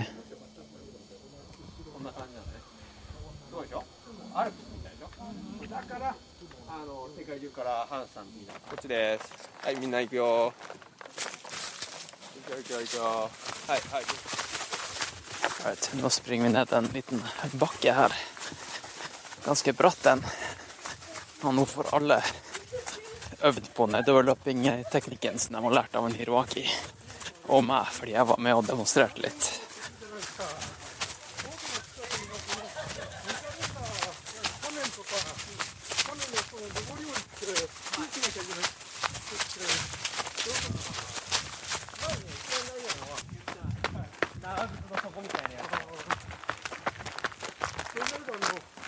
All right, da er vi straks, straks med veis ende her, folkens. På denne lille rundturen slash kurs. Nybegynnerkurs. Og eh, det kule er jo at han Hiroaki og gjengen har jo faktisk bygd Laga hele stien her fra scratch. Det var ingen eh, trail, trailer akkurat her i nasjonalparken. Altså ba han om lov fra, fra sentrale makter. Og de var supergira. Så nå denne campen her, eller kurset, fungerer også som en rekruttering til at flere skal bli med og lage være med og vedlikeholde stien og bygge ut stinettverket. Det er egentlig et bevis på at sti, stiløpercommunityen her er, er rett og slett blitt til fordi at det er noen som vil at det skal bli mer stiløping. Og det er ikke sånn som i Norge at stilløping har blitt en greie fordi at det allerede finnes sti. Her bygger de stien for å løpe. Og nå går vi inn i et ganske stort bygg her, som ser ut som et galleri eller museum. Jeg tror det er et museum. Og Hiroaki sprang inn i bygget, veldig målbevisst. Jeg tror han skulle på toalettet, eller så skulle han hente noen folk som han kjenner. Vi får se.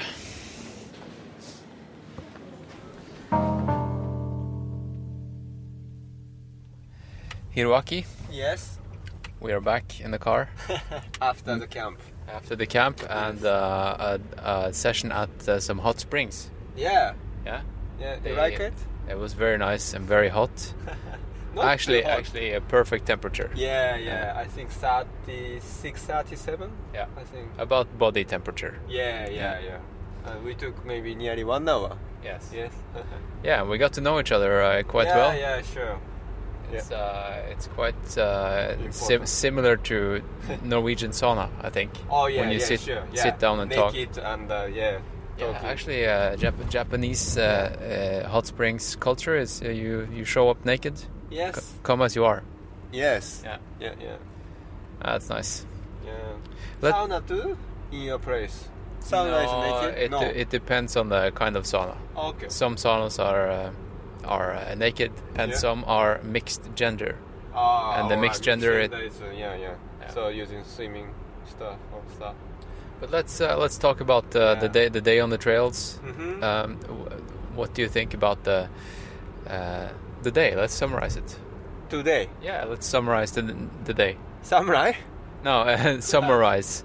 Uh, yeah. So, um, how did it go for you? And uh, Uh, yeah, it's uh, quite um, yeah, as I yeah better than I imagined, and yeah, so you you have done this kind of class. Mm. Let's call it a class.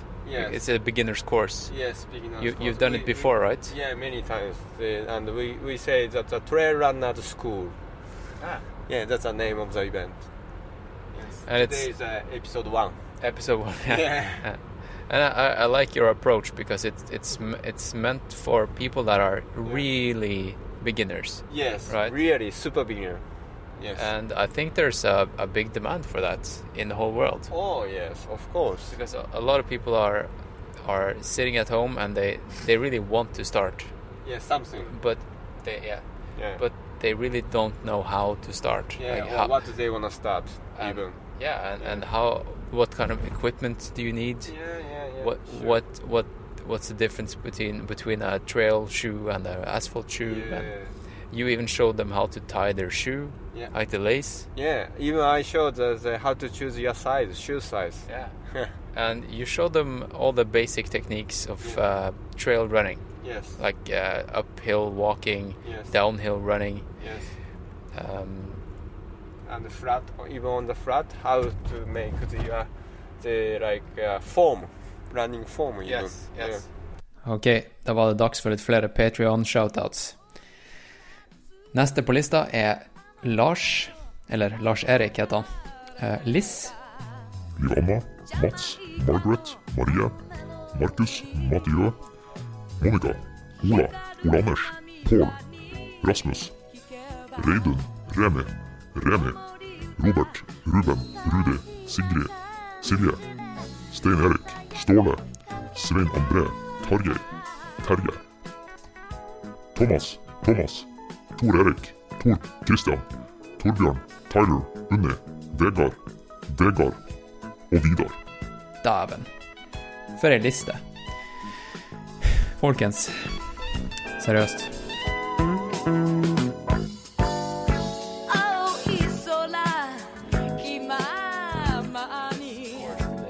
We ended up in a big building, and there was a a big table there with uh, with You the registered. with the paper with where people could sign up Yeah. to become uh, trail workers. Yes. and everyone signed up. Yeah, almost. yeah, almost. Yeah. Yes, it was.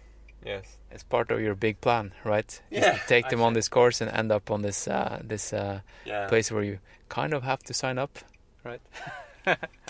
Maybe, But yeah, I don't know. But it's uh, it's a way of building a trail running community, right? That's it what is. you're doing, right? Yes, Yeah. it is. That's why I'm using the, this uh, trade fast, like a fast at the first episode. Do you understand? Like uh, because the trail runners school is kind of series, six times. Okay, so this was the first of six. Yes. Yeah. Yeah.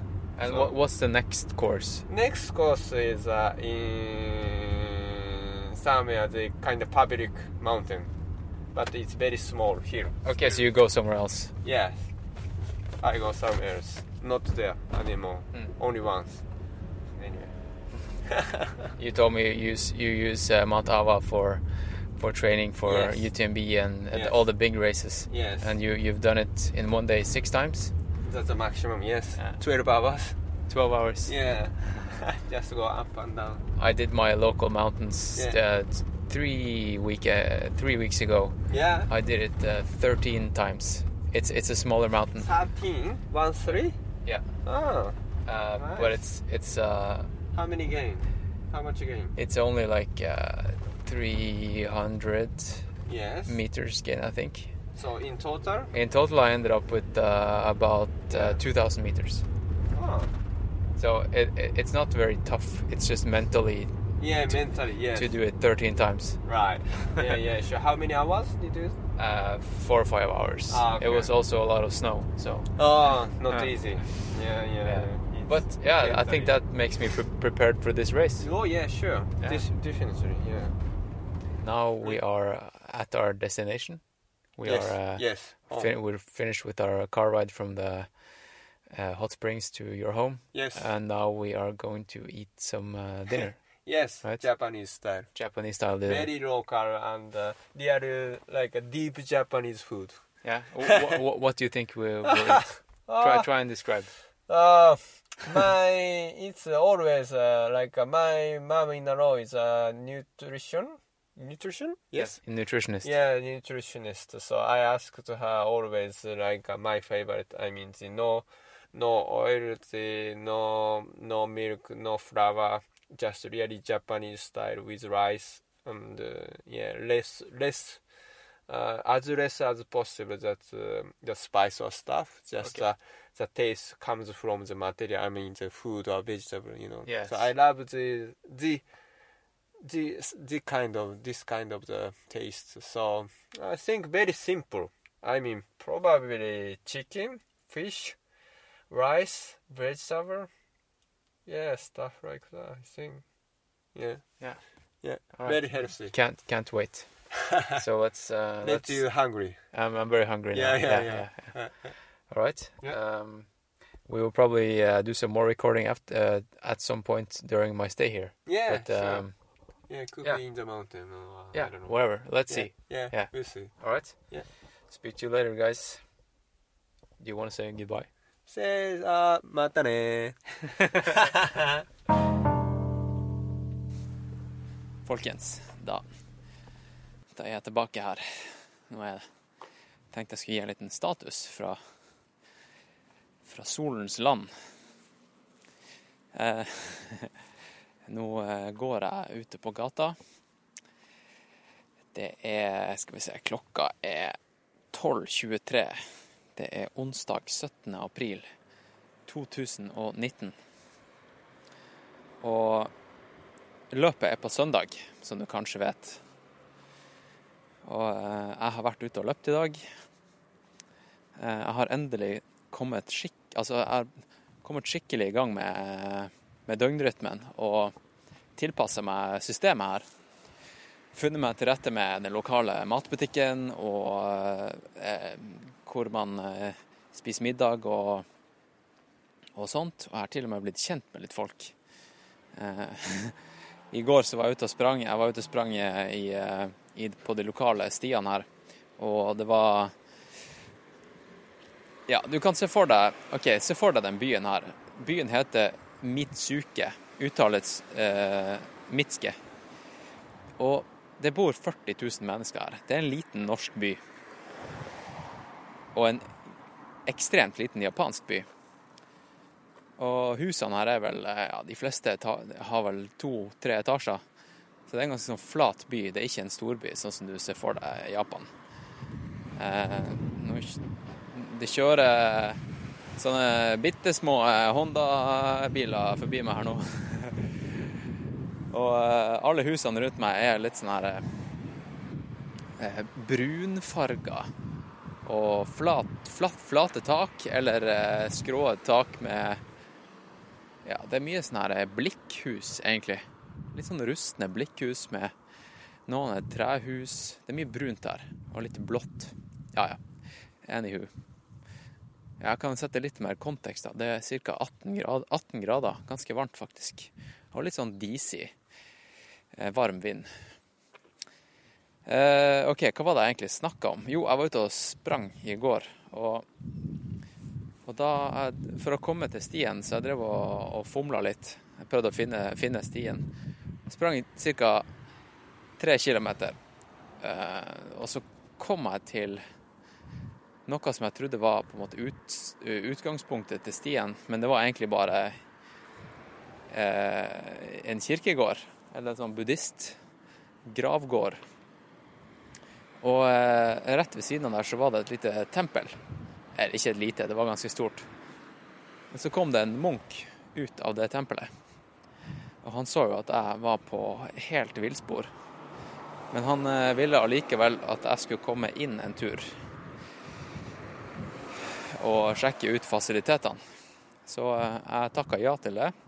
Jeg tenkte ja, det er ikke så farlig men den løpeturen. Er jo i Japan, yolo, liksom. Jeg kan godt eh, bli kjent med en munk og få en eh, privattur i, i tempelet hans. Så jeg fikk det, og så ble jeg servert te.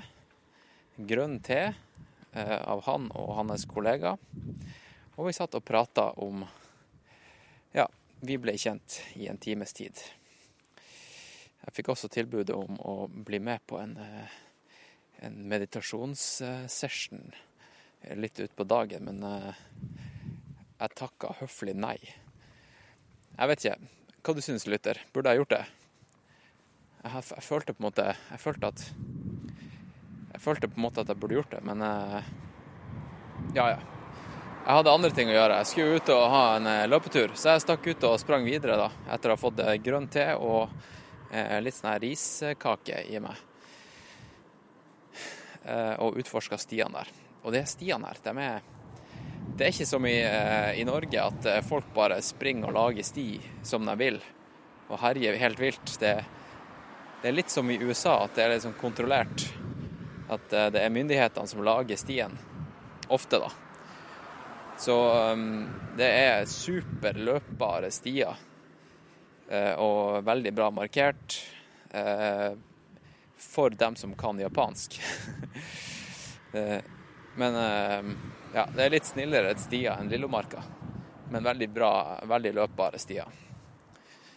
Så jeg har kommet meg godt i gang her, folkens. Og i går var jeg på og tok en kaffe på ei lita sjappe her inne i sentrum i denne gågata som er kanskje sånn 200 meter lang. Det er sånn striper. Eh, med litt sånne eh, små butikker og sånt. Jeg fant ei lita kaffesjappe og bakeri. Og det bakeriet der, det var et fransk type bakeri. For dem som eh, kan japansk baking, så, så er jo de kjent for de her japanske melkebrødene. som Eller melkeloff. Der, der eh, måten man lager loffen på, er at man starter med en base der man på en måte koker opp eh, Jeg tror det er melk og litt mel. eh, Og lager på en måte en type Ikke en starter, men en, en, en, en litt sånn søt smørje. Jeg lurer på om det er sukker i den også. Og så Ja, man starter med det, og så knar man det her inn i resten av deigen, som er sånn typisk loff. Loffdeig. Eh, Så de er veldig kjent for de her fluffy, hvite loffene. Men ikke på det bakeriet her, nei. Her var det et fransk type bakeri. Med eh, croissanter og bagetter og Ja. Alt, eh, alt du kan tenke deg fra Frankrike. Og jeg mener det, det her var liksom perfeksjonert. Og hun som drev denne sjappa her, da, hun, jeg ble litt kjent med henne. Hun kunne litt gebrokkent engelsk og brukte litt Google Translate. Eh, hun, eh, hun var veldig hyggelig. Eh, jeg satt og pratet litt med henne. Og hun var så hyggelig at jeg er på vei tilbake dit nå. Og jeg tenkte jeg skulle spise lunsj der, for jeg har spist Skal vi se Frokost var vel i åttetida. Nå er klokka ett cirka. Nei, skal vi se klokka Hva det var jeg sa? Halv ett. Begynner å bli sulten. Jeg tenkte jeg skulle ta en bagett med litt Ja, rett og slett en, en vestlig liten snack. Nå har jeg spist eh, nesten 100% japansk eh, og forsynt meg grovt av alle de snåle tingene de serverer her. Misosuppe og natto og rå egg og eh, eh, helt crazy. Helt crazy, sjuke ting. Så nå, nå skal jeg la magen roe seg ned litt og spise litt vanlige ting for meg. Eh, Så det er en liten status herfra. Etterpå kommer han John Albon til, eh, til byen. Og han skal bo eh, på hotellet sammen med meg, så vi skal ja, få se hva som skjer da. Og i Skal vi se I overmorgen er det pressekonferanse. Det er jo faktisk en stund til løpet. Jeg er fortsatt ikke kjempenervøs. Begynte å få litt nerver i går, men det går bra. Det går bra. Jeg sover bra, ca. åtte-ni timer hver natt. Ja, det her blir knall, folkens. Alt ligger an til å Det her blir et eh, knakende bra race. Bare jeg ikke blir syk. OK. Da går jeg og spiser lunsj, og så snakkes vi eh, eh, med neste recording. Ha det bra. Ja, da var jeg tilbake med en liten eh, update her fra Mitske. Nå er det fredags morgen. Klokka er cirka Skal vi se. Skal vi se. Det er Klokka er fem på halv sju på morgenen. Og jeg har en avtale med, med han eh, John om å møtes om ja, ca. ti minutter utenfor hotellet for å ta en liten løpetur. Så det her blir en liten kjapp update. Ehm, skal vi se, hva er det som har skjedd det siste døgnet? Ikke så veldig mye, skal jeg si det. Jeg har ehm, Skal vi se, i går, i går så, så var jeg og John på en liten løpetur. Ca. 13 km. Og eh, bare rett og slett helt rolig. Og så lå jeg på hotellrommet egentlig og, og så på litt YouTube-videoer og jobba litt. Og eh, jo, jeg vrikka ankelen litt, faktisk, på den løpeturen. Og det var Det var liksom akkurat nok til å gjøre skikkelig vondt der og da, men ikke nok til at det ble en hevelse etterpå. Men nok til at, til at jeg liksom fikk sånn noia. Og det her er jo kjempeinteressant. For det er noe som eh, går igjen, det her, altså. At uh, raceuka At noe må jo faen meg bare skje hver jævla gang. Akkurat som kroppen bare vil. At noe Noe i hodet mitt bare jobber mot meg, hvis du skjønner. Enten at man blir sjuk, eller at noe skjer. Um, nå har jo ikke jeg vrikka foten siden i juni i fjor. Og jeg, vi får nå se. Er, jeg har nå teipa meg opp nå, og så skal jeg ut, på, ut og løpe nå. Og så ser vi om eh, Får vi en liten status etterpå, tenker jeg. Men jeg, jeg tror det skal gå bra. Jeg har vrikka foten kjempemange ganger. Så ja, det her, er, det her blir jo artig. Eh, ellers så, så så jeg på Facebook i går kveld at det blir en alternativ rute. Fordi det er visstnok sykt mye snø i fjellet. Altså, det er, det er helt crazy. Det blir liksom Hvis de hadde hatt originale ruter, så ville det vært kanskje sånn her 20 km med kaving i skaresnø og slush.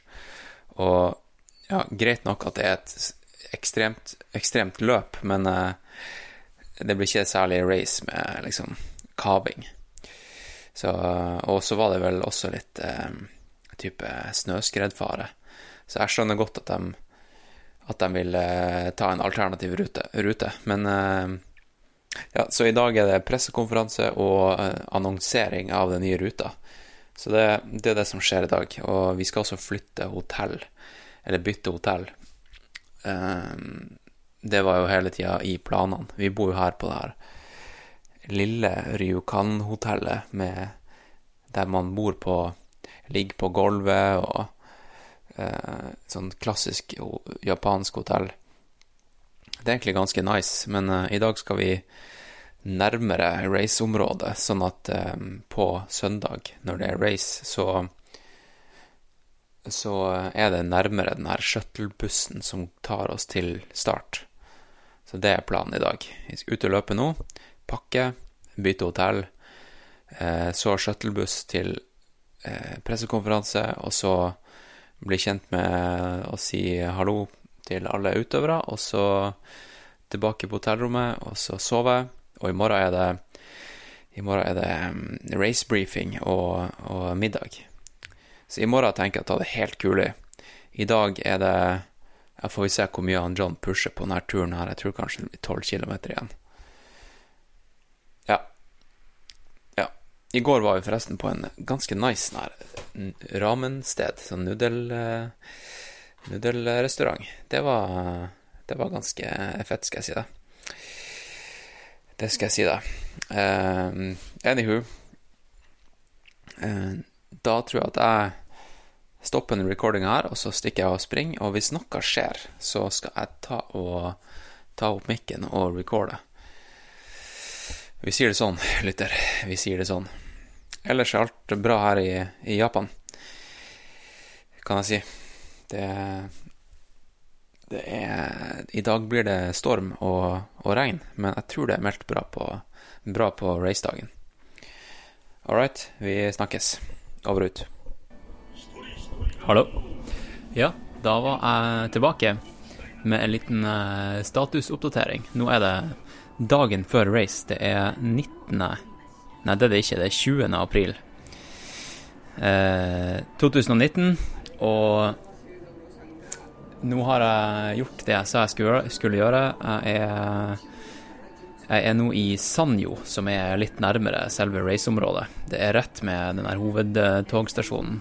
Eh, med, med, litt veldig, med et litt komplisert navn som jeg ikke gidder å uttale. Eh, jeg sitter på hotellrommet mitt nå, og jeg har skrudd på TV-en sånn at det kanskje er litt sånn koselig japansk crazy gameshows i bakgrunnen. Klokka er nesten halv elleve på morgenen. I morges så sto jeg opp halv seks eh, bare for å gjøre kroppen klar til morgendagens eh, eh, opplegg der vi skal ta en buss klokka seks. Så jeg må være på en måte Jeg må være eh, min interne biologiske klokke må være preppa for det. Og så eh, Hva det var som skjedde i morges, ja. Jeg gikk ned i resepsjonen for å spise frokost, og så viser det seg at det ikke var frokost inkludert. Det viser seg at denne her frokosten den var i det fine hotellet, som er en del av samme, samme opplegget, altså samme kjede, som heter APA. Og eh, jeg bor i den kjipe Apaen, den skikkelig lavbudsjettsapaen. Og frokosten var i den flotte, fine Apaen, og der kosta det penger. Så jeg gikk bare tilbake til hotellrommet, og så spiste jeg havregrøt eh, som jeg har Eller havre med Jeg hadde med meg havre fra Norge, da. Og så hadde jeg bare kokende vann på med peanøttsmør og blåbærsyltetøy. Og så spiste jeg litt eh, kjeks med avokado. Og jeg har jo med havregrøt på alle race. Det her er jo på en måte det som er det jeg sverger til før race. Og eh, når man er ute og reiser, så er det greit å ha litt sånn norsk, norsk kost med seg, bare for å Ja, på racedagen skal du ikke kødde noe til og bli frista til å spise masse pannekaker og sånt som de har på hotell vanligvis. Så eh, skal vi se jeg skal ta på en annen kanal her, se hva slags eh, morsomme greier det er på TV. Nå ser det ut som at det er en eh, type Sånn som de har på NRK, dem som ser At vi ser på at noen ser på TV. Nå er det noen som ser på at en skilpadde eh, går langs ei strand, og så ser vi på reaksjonen deres. Det er veldig artig. Eh, Japan er et sjukt land, folkens. Uh, skal vi se her Skal vi se. Jo, det jeg skal gjøre um, nå, det er å skifte hotellrom, fordi at jeg våkna opp Eller da jeg la meg i går kveld, så var det sånn her Det er seriøst den verste senga jeg noen gang har sovet i. Det, hotell, det hotellet vi så på sist, i, uh, i Mitske, det var liksom Da sov jeg jo på gulvet. Det var helt, helt greit, for er, gulv, er gulv, liksom. Men ei dritdårlig seng, der jeg virkelig Altså, du kan se du kan se de her fjærene stikke opp av madrassen. Jeg måtte legge meg mellom fjærene på en sånn her skikkelig krokete eh, posisjon, og så bare vente til jeg sovna. Det var helt for jævlig. Så våkna jeg opp i morges med dritkjip rygg. Men jeg har fått løsna bra opp i dag, da. Jeg var ute og sprang en tur. Eh, kom nettopp tilbake fra den løpeturen der, og vi fant en liten eh, en liten uh, track ca. to kilometer unna. Så gjorde vi litt drills og øvelser. Og um, det er egentlig status nå. Nå skal vi ta og Når jeg sier vi, så, snart så mener jeg jeg og han John. Uh, nå skal vi ta og Ja, jeg skal bytte hotellrom, og så forhåpentligvis er det bedre seng der. At ikke hele det her drithotellet her har bare masse kjipe senger. Men eh, så skal vi dra og handle litt eh, mat, spise litt lunsj, og så skal vi ta den her shuttlebussen inn til raceområdet, der det skal være en racebrifing. For det er faktisk sånn at det er satt opp en alternativ rute for racet. Og jeg fikk jo den sjokkbeskjeden her i foregår, nei, i går om at, om at det skal være 23 km.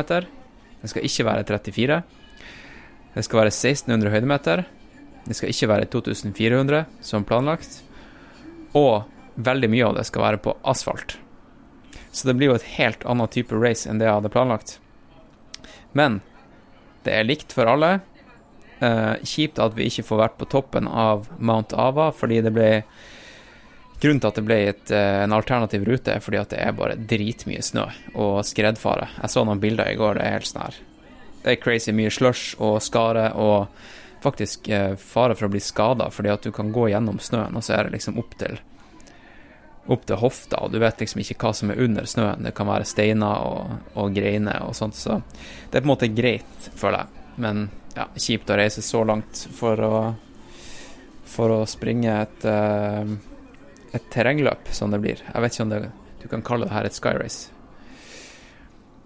Men uh, det er i hvert fall status. Skal vi dra og ta oss en kaffe, kjøpe litt mat, ta denne bussen ut til uh, racebriefinga, og så skal vi uh, Ja, så tar jeg og trykker på record igjen når det føles naturlig neste gang. Jeg tror ikke jeg skal ta med meg mikken til uh, racebriefing og alt sånt der. Skal være, nå skal jeg være en utøver, ikke en dokumentar dokumentarskaper. Så Eh, jo, apropos det. Det var også en sånn pressekonferanse i går. Veldig artig å for første gang være eh, en del av eh, den her eliten eh, som blir presentert for, eh, for pressen. Eh, ikke akkurat et veldig morsom event, men litt stas å være, å være såkalt elite. Fikk jeg sånn badge rundt halsen der det står Mount Ava Sky Race, altså med no nor norsk flagg og Hans Christian, og ja, det er artig. Og så hadde jeg selvfølgelig på meg Nå er det alvor-T-skjorta med alle mine patrions på ryggen, og alle de andre utøverne gikk rundt med de her sponsor-T-skjortene deres. Jeg gikk rundt med mine patrions på ryggen, det var dritfett. Det var dritfett. Så da sier vi det sånn, folkens. Vi snakkes. Over og ut. Ja, jeg sa jo at jeg skulle være 100% dedikert utøver og ikke dokumentarist under denne race-briefinga. Men eh, jeg kom jo på under race-briefinga at eh, jeg har jo faktisk en mikrofon på telefonen. Så jeg bare satt på record, og så la jeg mikrofonen eller telefonen på, på bakken. Og så eh, fikk jeg nå litt eh, Plukka opp litt eh, stemning derfra. Så da Nå får du høre litt av det, folkens. あの本当にですねこうこういう大会ってあのやっぱ地元の皆さんの小豆が関門になります So this is for the supporters, people who are going to cheer on their friends. You need to come up the way that he just showed you, and you'll have to go around the corner to see the aid station. But there'll be someone there that will tell you the aid station is right around the corner. That is where you can support your friends. All right, folkens. Da er det, da er det race day. Nå er det alvor. Nå er det skikkelig alvor. Eh, klokka er nå fem over fem. Jeg sto opp av meg sjøl eh, for ca. 40 minutter siden. Jeg la meg kanskje sånn kvart på ni. Jeg var egentlig ganske sliten, og så eh, sovna jeg ganske fort. Så jeg har fått ja, syv eh, Litt over syv timer søvn. Nå står jeg og ser ut fra hotellrommet mitt, utsikta mi til eh, byen Sanjo, som eh, sakte, men sikkert begynner å våkne nå. Jeg bor, eh, hotellet er rett ved siden av hovedveien, så liksom Man ser veldig fort når, når folk er på vei til jobb og sånt. Det er fortsatt litt sånn skumring, skumring der ute. Eh, ja, hva man skal si om dagen? eh, alt kan skje, rett og slett. Det blir eh, fem kilometer asfalt først. Det blir sikkert en pangåpning. Og så blir resten terreng eh, med to kilometer, to-tre kilometer asfalt på slutten. Men en ting jeg tenkte jeg skulle dele med dere, var noe jeg gjorde i går kveld. Og det var å la, Jeg la meg ned, og så studerte jeg det nye, det nye kartet vi har fått utdelt. Um, og så, for å på en måte For å virkelig huske, få det her inn i hjernen, så tenkte jeg at det var smart å tegne det for hånd. Og så skrive ned når alle stasjonene er, hva man får servert på stasjonene, og uh, hvor langt det er mellom stasjonene. I tillegg, da, så har jeg notert meg ned um, ting som jeg vil tenke på underveis. Og da har jeg delt opp i tre, eller fire, da. Og én ting eh, Det er noe jeg tok med meg fra, fra hun eh, Lorenza, som skal sykle rundt jorda på, jorda på 100 dager. Det er det der med mennesker. Og hun vil jo oppsøke mennesker som kunne hjelpe hun å nå sitt mål det her er litt annen approach for meg, da. Jeg tenker jeg vil ha de her menneskene som jeg har skrevet ned her, dem skal jeg dra energi fra under racet. Altså det her er mennesker som jeg skal tenke på mens jeg springer. Og det er Jeg har ikke tenkt å si hvem det er, men um, det er folk, jeg, folk som har gjort drøye ting. Uh, folk som har uh, uh, inspirert meg, og folk som jeg rett og slett har lyst til å imponere. Noe så flåsete som å imponere. Men det, det er faktisk en motivasjonsfaktor for meg iblant. Um, jeg har ingenting å bevise for noen, faktisk. Og det har jeg også eh, skrevet ned her. Det her er kun for å ha det fett. Så det er Ja. Jeg har også skrevet ned hvordan treningsøkter jeg skal ha i, ba i bakhodet. Hvis jeg noen gang under racet tviler på mine egne evner, så har jeg gått tilbake i min eh, treningsdagbok, og så har jeg sett hva jeg har gjort, og så har jeg eh, tatt fram noen sånne monsterøkter som jeg, jeg liker å ha i bakhodet, og, og fiske fram når, eh, når ting er på det kjipeste. Eh, og så har jeg skrevet ned et par punkter om følelser. Og da Da er det på en måte følelser som jeg har hatt i andre, andre race som har gått kjempebra. Og da har jeg tatt fram på en måte de her, de her følelsene jeg har sittet igjen med etter de racene. Hvordan har jeg lyst til å føle meg etterpå? Og hvordan har jeg lyst til å føle meg under racet. Og da, har, da, handler det faktisk mer om en type state of mind, og um, for min del, da, så Ja, jeg skal ikke skrive helt. Jeg skal ikke si hva jeg har skrevet, for det blir litt personlig, tenker jeg. Um, og så har jeg skrevet ned noen uh, punkter som handler om um, Rett og slett at jeg har skrevet punkter Skrevet noen setninger om hvor flink jeg er. Og det er jo kjempe kjempeteit å si høyt. Jeg har, ikke tenkt å si det høyt, men, men eh, eh, Altså i hvert fall ikke inn i en mikrofon ut til tusenvis av mennesker. Men eh, eh, jeg tror det, det, er viktig å skrive ned for hånd at du er flink. At det her klarer du det gjelder ikke å Altså, det, det, det, er ikke nok å bare ta en shuttlebuss buss ut til startstreken og så bare tenke at you, you got this. Men um, jeg, tror det, jeg, tror du virkelig banker det inn i skallen når du skriver det ned. Da, da blir det alvor. Uh, så det, det, er egentlig det. Det er egentlig det, folkens. Og denne lappen skal jeg ta med meg på bussen, som går om ja, 50 minutter. 50 minutter. Og jeg skal sitte og se på den lappen. Og den bussen den tar 45 minutter. Og det jeg tenker å gjøre i dag, da, er at jeg skal ta med meg mikken.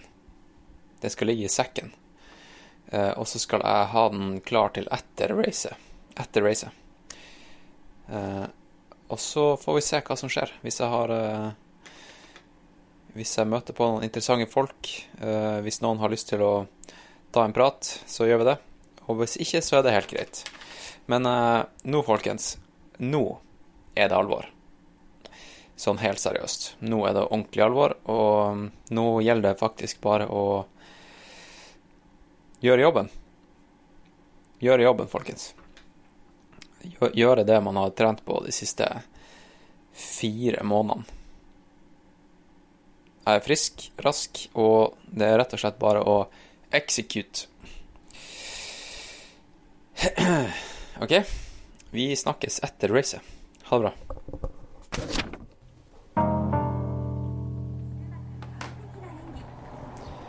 Ja, hallo.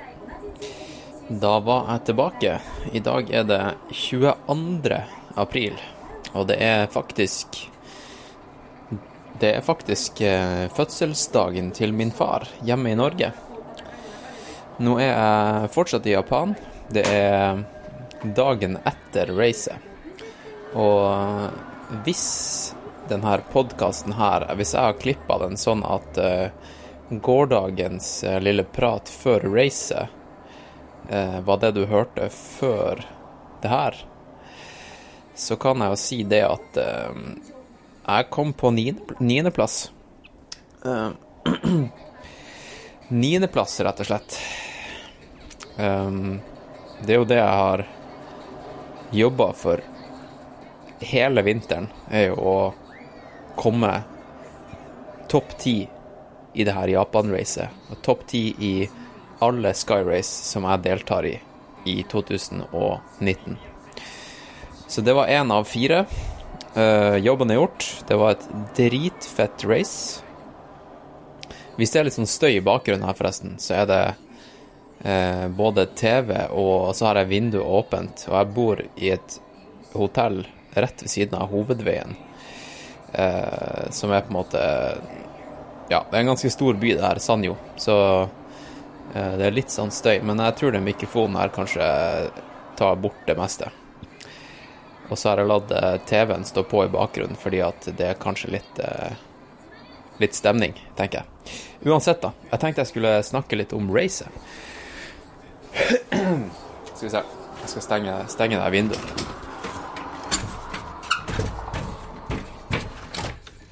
Sånn. Eh, jo, det racet der, det var egentlig ganske crazy, fordi at uh, Det var jo fem kilometer flatt først, og på asfalt.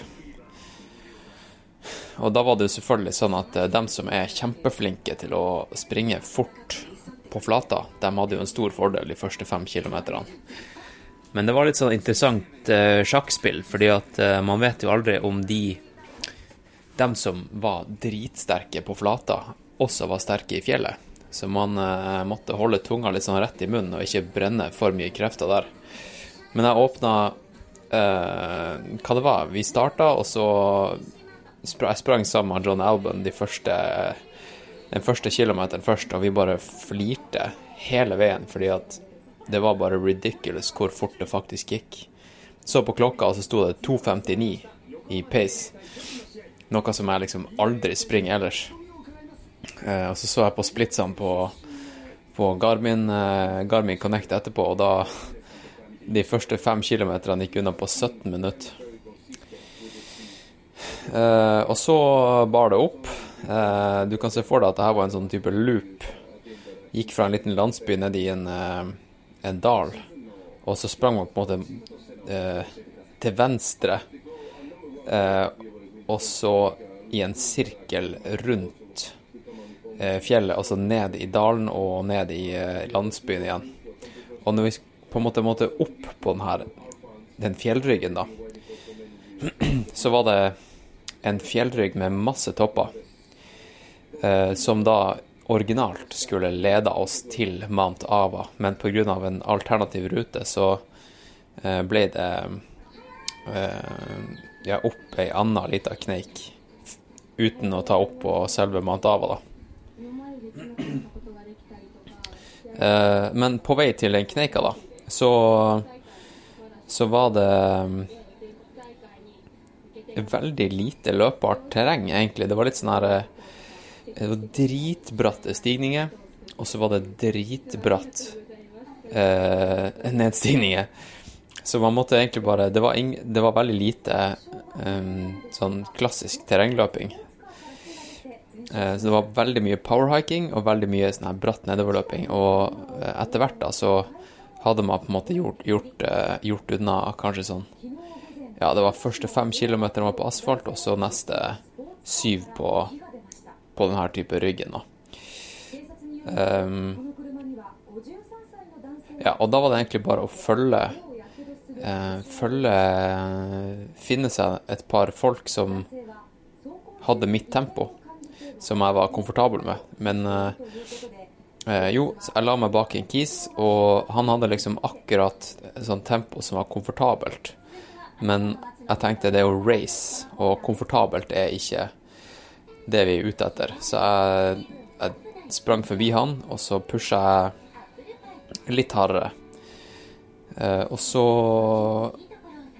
holdt jeg egentlig han bak meg hele veien. Eh, helt til det kom en franskmann bak meg og tok meg igjen i en skikkelig bratt eh, motbakke. Og så tok, tok han meg igjen, og så sa han du tar meg sikkert igjen i nedoverbakken.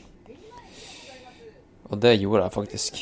Men eh, uansett, vi kom til sånn her eh, siste aid station før eh, det skulle være en sånn her type såkalt out and back. Fordi når vi, når, når vi hadde gjort unna den her eh, type ryggen, da, så skulle vi opp på det som var den her vertical kilometer-løypa, som var ganske sånn bratt stigning bare på på, eh, på snø. Og tydeligvis da, så hadde jeg en styrke på snø, fordi jeg har sprunget snø i hele vinter. Og der tok jeg igjen fire-fem stykk. Og eh, Og eh, plutselig også så kom, kom han eh, Pascal egentlig bak meg og tok meg igjen. Så jeg og Pascal vi sprang litt opp, eh, oppover der. og så Og så, da vi kom Unnskyld. Nesten på toppen. Så For det som er så artig med sånne her out and backs, er at du får se hvor langt foran teten er. Fordi de eh, springer jo nedover når du springer oppover. Så da så han John Alban og, og gjengen, da. Og så tenkte jeg shit, de er faktisk ikke så langt foran. Uh, og så fortsatte jeg egentlig bare å pushe. Og hørte at jeg var på hva det var, tiendeplass, eller noe sånt. Og Ja, og da var det egentlig bare å gønne på. Og så nedoverløping, da. Så, så tok jeg igjen eh, tok jeg igjen en svenske. eh, og så plutselig tok han igjen meg igjen. Og det, det var han der kisen der med sånn her kjempelangt hår. Jeg vet ikke om dere har sett bilde av han, men han har sånn her hår ned til eh, Ja, langt nedover skuldrene. Blondt hår. Og plutselig så tok han meg igjen. Og han tok meg igjen på sånn spektakulært vis, der han bare hoppa ned en klippe. Jeg mener det er sånn to-tre meter. Ser ut som ei flaggermus med det lange håret. Eh, og så, eh, da vi kom ned Det var, det var kanskje sånn 1000 meter nedstigning, da. Bare konstant nedover. Eh, og da var det egentlig bare å slippe seg løs. Men han, eh, han la seg kanskje sånn 50 meter foran meg. Ganske komfortabelt. Um, og så, eh, da vi kom helt ned på flata, da, så kjente jeg at jeg hadde masse mer energi. Så bare gønna jeg på. Tok jeg igjen svensken og tenkte yes, nå har jeg niende- niendeplassen, topp ti i, eh, i, eh, i boks. Og så så var det sånn at jeg og John vi hadde vært og varma opp de første Vi var og sjekka ut de siste to kilometerne av løypa under oppvarming. Så da jeg kom ut av skogen og inn der vi hadde vært på oppvarming, så visste jeg at det bare var to kilometer igjen. Eh, og så satte jeg en støte der. Og så tror jeg at jeg Ja, de tre siste kilometerne gjorde jeg vel på sånn 3.10-fart. Så det var egentlig ganske crazy. Men eh, nok, nok om denne type kjedelige race reports. Eh, jeg vet ikke om, om det egentlig er så veldig artig å høre på, men eh, jeg gjorde en liten recording med han, eh, med, med han, han som kom på plassen foran meg, og han John Alban som kom på tredjeplass, og en annen kis som, som skal som er på samme teamet som han tyskeren som kom foran meg, som er Adidas Terex-teamet. Eh, det, jeg gjorde et intervju med dem i målområdet etter racet, så det skal du få høre straks. Straks i denne podkasten her. Og um, jeg kan si det at det her racet her um, da, De siste 100 meterne da var jo hele, hele lokalbefolkninga samla, og de hadde samla alle sånne type eh, skolebarn i, uh, i nærområdet. Eh, med Der de bare sto der og spilte, spilte korps og heia som Altså, det er den sjukeste heiinga jeg har vært borti. Og de bare sto lina opp der med sånne her eh, type skoleuniformer. Alle så helt like ut og bare high fiva alle sammen. Og eh, det var rett og slett bare dritfett og bra stemning. Så jeg kan virkelig anbefale det racet her. Det kan jeg, altså. Men det er kanskje litt langt å dra, jeg vet ikke. Det er ikke, det er ikke for uh, hvermannsen. Litt langt å dra til Japan. eh, hadde, jeg hadde en lang diskusjon med et par folk i går om eh, det her med miljø, miljøimpacten til oss stiløpere og eller skyrunners. Og um, ja, det er en liten bismak her, folkens. Å reise langt, langt og ofte for å, for å race. Hvorfor racer vi egentlig? Er det egentlig bare en stor egotripp, eller er det noe annet? Um, det har i hvert fall jeg tenkt litt på i det siste. Ja. Men uh, uansett, da. Nå skal du få intervjuet med, med de her uh, fantastiske atletene.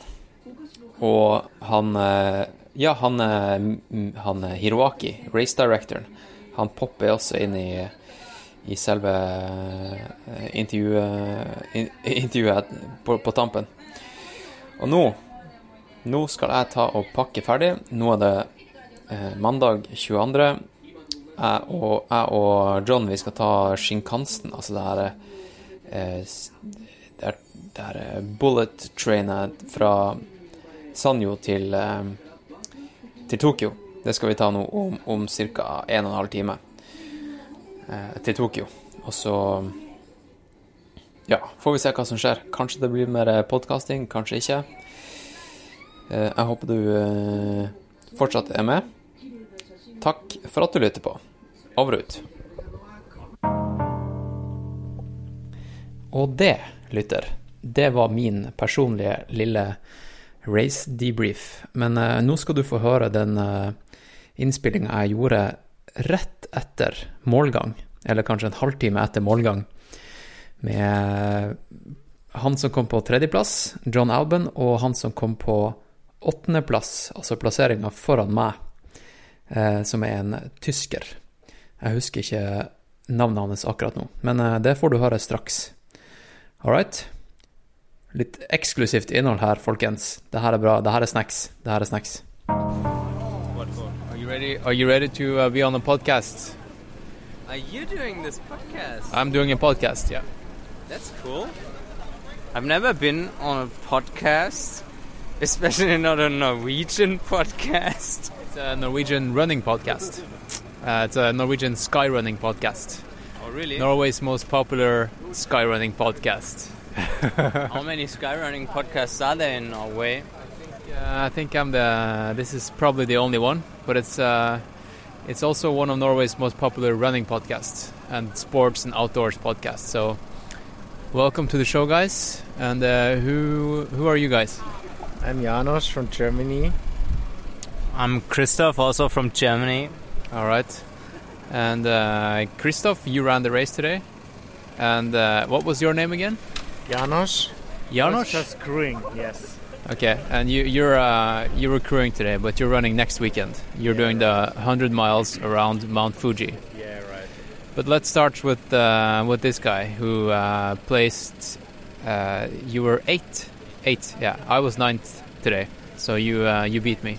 Do you know how much you beat me with? I think it was two or three minutes, so not that much, but we were all really close together. What did you think about the race? Like, uh, can you describe uh, your impression of the your day out in the out in the elements, as they say? Of course, uh, to sum the race up, it was first an 5k road race, then it was kind of 10k s- of steep up and downs and up and downs and then some technical downhill stuff after running through through snow almost to the top.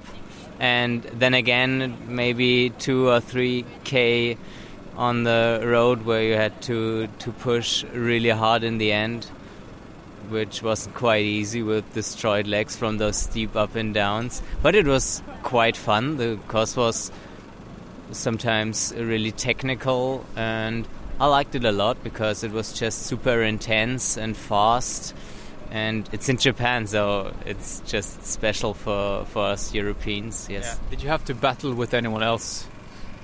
Oh, not really. To be honest, I hang on some Spanish guy um, who I followed through this hilly section, but then I think his legs got a bit weak, and I overtook him in the snow section, and then just had my own race. There was no one in, I could see in the front, and no one behind me. So I was running really alone in the last 5k or so. Okay. And how are your legs now after the race? Are you okay? My legs are okay. I realized they were pretty destroyed when I got to this flat section after the last downhill.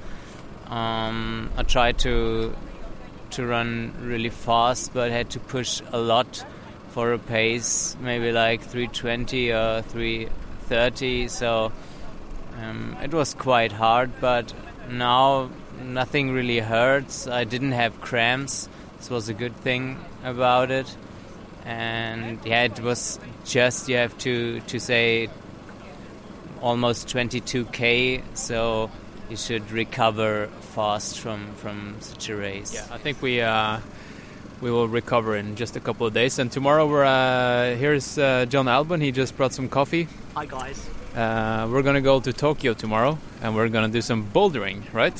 Hopefully, if we can find a place. I've heard it's kind of amazing Tokyo, so we need to get our phones out and see if we can find a cool place to go climbing. Now, this guy just uh, gave me a description of his impression of uh, of the race. Uh, can you give uh, give the listeners uh, your your take on it? You were third today, right? Yeah, third. Um, it was like flat asphalt 5k, and then we went into uh, the mountains. It's kind of like uh, a ridge we ran on the entire time, but in the trees, and it was like a roller coaster up, down, up, down, up, down. And Yeah, the race director told us the, the day before in the race briefing that uh, we're going to go on this this forest kind of ridge-ish terrain, uh, and Mount Ava is gonna you're gonna see Mount Ava, and it's never gonna get any closer to you because it's just up down up down up down. Yeah, I can believe it. It was um, it was kind of fun actually. There was a couple of things that were a little bit irritating. Was that uh, guys standing on the course telling you to slow down, which is kind of like the opposite of what I was trying to make myself do, and how they had ropes on some of the descents, and like I didn't really need to use any of the ropes. Then it just made it even harder to go downhill because there's a kind of a rope in the way. But I I don't think they put the ropes out for the for the race. It was just there for hikers and stuff. Yeah. Yeah. I can imagine, especially if it's uh, really raining, then I guess they're maybe useful, especially if you're going the other way, if you're going uphill. Um, anyway, so we did the, the roller coaster ridge, and at some point, I didn't really realise we went through an aid station, started on the out and back climb that we were going to do, and it started to get snowy, and I thought, whoa, this is going to be uh, pretty dangerous coming down towards the people going up. Um, but at that point, I just got into third position, and I was uh, just catching the guy in second. I just caught him at the top, and then thought, hopefully, I can stick with him on the descent. I actually overtook him, and then I was maybe sort of 50 metres ahead of him, hammering descent as hard as possible to catch this Japanese guy who was leading. And um, I got given time gaps of anywhere between two minutes and 40 seconds. Managed to just get him just as we got onto a flat section. I thought, yes, I've got him. This is, I can do this. And then my legs just went, bleh, and I had nothing. They were just completely empty. So they felt fine the entire race, and then suddenly did the descent, and then suddenly I just had nothing on the flat. So um, I got re-overtaken by the other guy, and we all finished within 20 seconds of each other. Me being in third. Oh, that's pretty close. That's pretty close. 20 seconds. Uh, is that that's not normal in skyrunning, is it? Not really. I mean, there's a few races like that, but it's pretty tough because on this, you can always push that bit harder, can't you? And it's it's really tough to really get that out of you. But I just felt like my legs had had nothing, so um, kind of happy to get on the top three. But then also, it would been nice just at some point in the race just to push that little bit harder. But I'm not really used to this sort of shorter style of running in sky races either, so it's really hard to know how much to leave in the tank. Let's talk about preparation for the race. Uh, let's start with the German guy because uh, what what what have you done this winter? This is a race. It was today's uh, the 21st of April. It's the first race of the season. Is it? Is it your first? Is it your first? Yeah. Yeah, it was the first race of the season. how, how do you train? How, how did you prepare? Mm, usually, and as I did also this winter, I train most of the time on the road. Mm, during winter time, not much of climbing, so it's most of the time short, fast sessions, interval training, um, up to 1,500 meter. So you're from the south of Germany, so uh, uh, is it uh, is it a lot of snow or? Yeah, I live close to the mountains. It's a one-hour drive, but I only go um, on the weekends to the mountains just because of work. And there there was a lot of snow and also a lot of snow left now in, in April.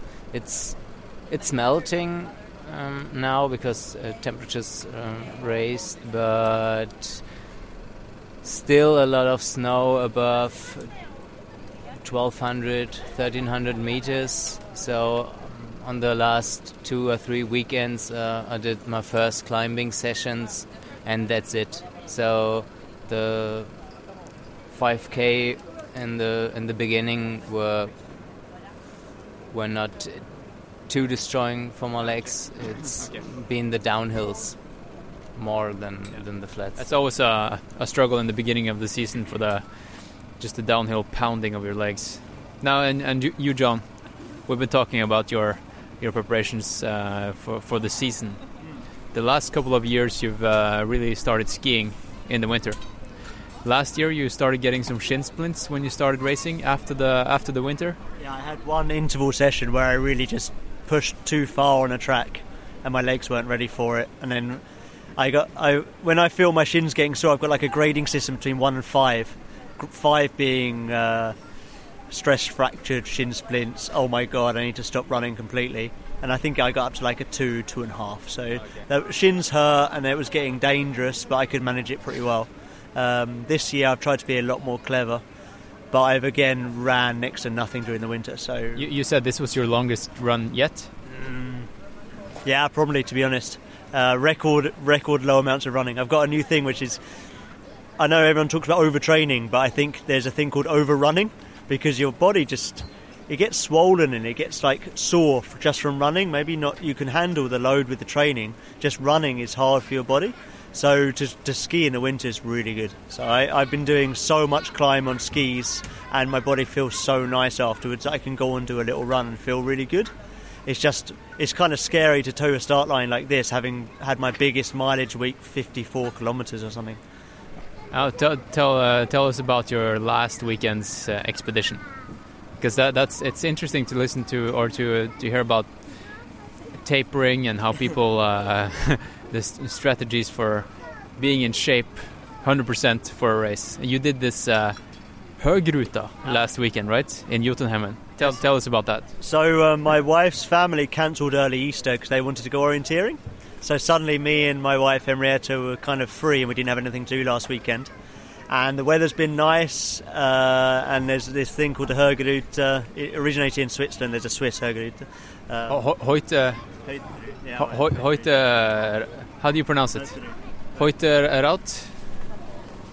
It's like the, the skiing thing. Anyway, uh, it's a it's a route in Jotunheimen uh, that is how long? Everyone gets different distances, but I think it's something like 88 kilometres with over seven, nearly 8,000 metres of climb on skis. You go and normally take five days to do it, staying in cabins.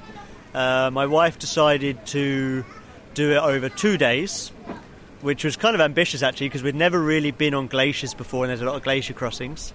Um, and we had a late start due to transport because you have to try and get one car at the finish and one car at the start. But me, my wife, and a friend called Christopher, we went there. He's been on the podcast. Oh, Christopher has been, yeah. Christopher, yeah. From, from uh, the Scotland trip. Yeah, so we went and we did the whole route in two days. So our first day was eight hours long, and our second day was um, 12 hours long. So it was quite a lot of skiing. But like I said, that's is a hell of a lot of training. But because it's low impact, it just sinks into your body so nicely. And the day after, even the same day you do such a long ski, you can go out for a really nice run. So I do think that um, many types of skiing can be really good training, but I do think that randonnée is really uh, one of the best. Just for walking up slowly, you can control your heart rate, and then getting down, and you can do all this training and keep your body in really good condition. So then, when you do run, you can really feel what your body feels like. Whereas when you run a lot, your body gets kind of swollen. It's really hard to stay in touch with whether you're getting injured or whether you're running too much or how your body feels. You just want to run more because you think if I run more, I'll get faster. But I've been really trying to play with the concept of running running less. Now, this uh, other German guy, he's uh, doing a, a, race next weekend, which is uh, uh Ultra Trail Mount Fuji. uh, what have your preparations been like this uh, this winter? This is your first hundred miler, right? Yeah, right. So I had big plans in the beginning of December after I ran UTCT in Cape Town. And then I got some problems with my knees in January, February, so I didn't stop running, but I always tried. Every week I tried for like 50, 60k for the whole week, but this is not enough to prepare the 100 miles, and still my knee didn't um, feel better. What, how's your knee, knee right now? It's fine, yeah. So since the beginning of March, I felt better and better, and I went to the training camp with Adidas, did a lot of mileage there, and now I did like five long runs, and I feel quite good now. But still, the 100 miles scares. It's your first time, right? Yeah. So, uh, what are your thoughts going into the race? 100 miles. Are you? Are you? I, I said to you earlier, you you should be scared as fuck. I, I would be. Are you? Yeah, so my thoughts are pretty similar to the hilly, steep route today. so some days I feel like, yeah, I do it, I do it. It's no problem. It's just a little slower, eat a lot, hang down for 100k. And then the other day I think, I never do it, I never do it. The next day I feel like, all right, I will be fine, top 10. So my feelings go up and down all the time. All right, so you're you're going to be in total in Japan for three weeks, right? And uh, what what's your impression of Japan so far? What have what have you done and what have you eaten? What have you guys uh, enjoyed the most? Um, I don't know. I re- really like Japan because many times I travel in Europe, I feel like, of course, the culture and the country is different, but it's still connected and it's still kind of the same. So everyone speaks more German, or you can speak a little French or Spain, Spanish, and everyone everywhere is like Italian restaurants or Spanish food. It's it's yeah, kind of connected, and also you're more close to home. So here, just you walk to the train station and it's different. You stand in lines and wait for the train to open, or I don't know. You go to a restaurant and you cannot read anything. So it's I think it's really fun because even walking around is fun. You don't know what all the signs are. It can be like And so many noises. Everything has a has a sound. Like yeah, I've been walking with uh, this microphone in uh, around Tokyo and just recording sounds. Yeah, it's yeah. au- audio heaven. Uh, yeah, what was I gonna say? Ah, I forgot it. Okay, continue. yeah. yeah, yeah, yeah, yeah. One thing uh, during the race today, uh, you know, we did a small out and back uh, onto a top of a mountain, and then when we were running down, uh, we uh, passed a lot of people that were on their way up, right, on the same path, uh, and it was on snow, and I knew that you know the Japanese they they always uh, pass others on the left because of the driving system, like. Uh, they hold left, but we were used to doing right. And I knew that the Europeans in the race were also used to right, but the Japanese were used to left. So I tried to spot the Japanese when I when I was running downhill, and I was like kind of being a little bit racist in my head, like uh, looking at the the skin color, left. Uh, if, if you're uh, if you're white, I'll do right. Like that was fun. it worked. It worked. I just ran downhill as fast as I could without thinking about anything else.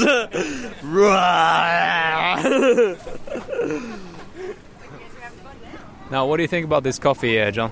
And the coffee's, the coffee's fine. It's good. It's uh, kind of strong and nice. You can feel it work immediately when you take a sip, so that's a good thing.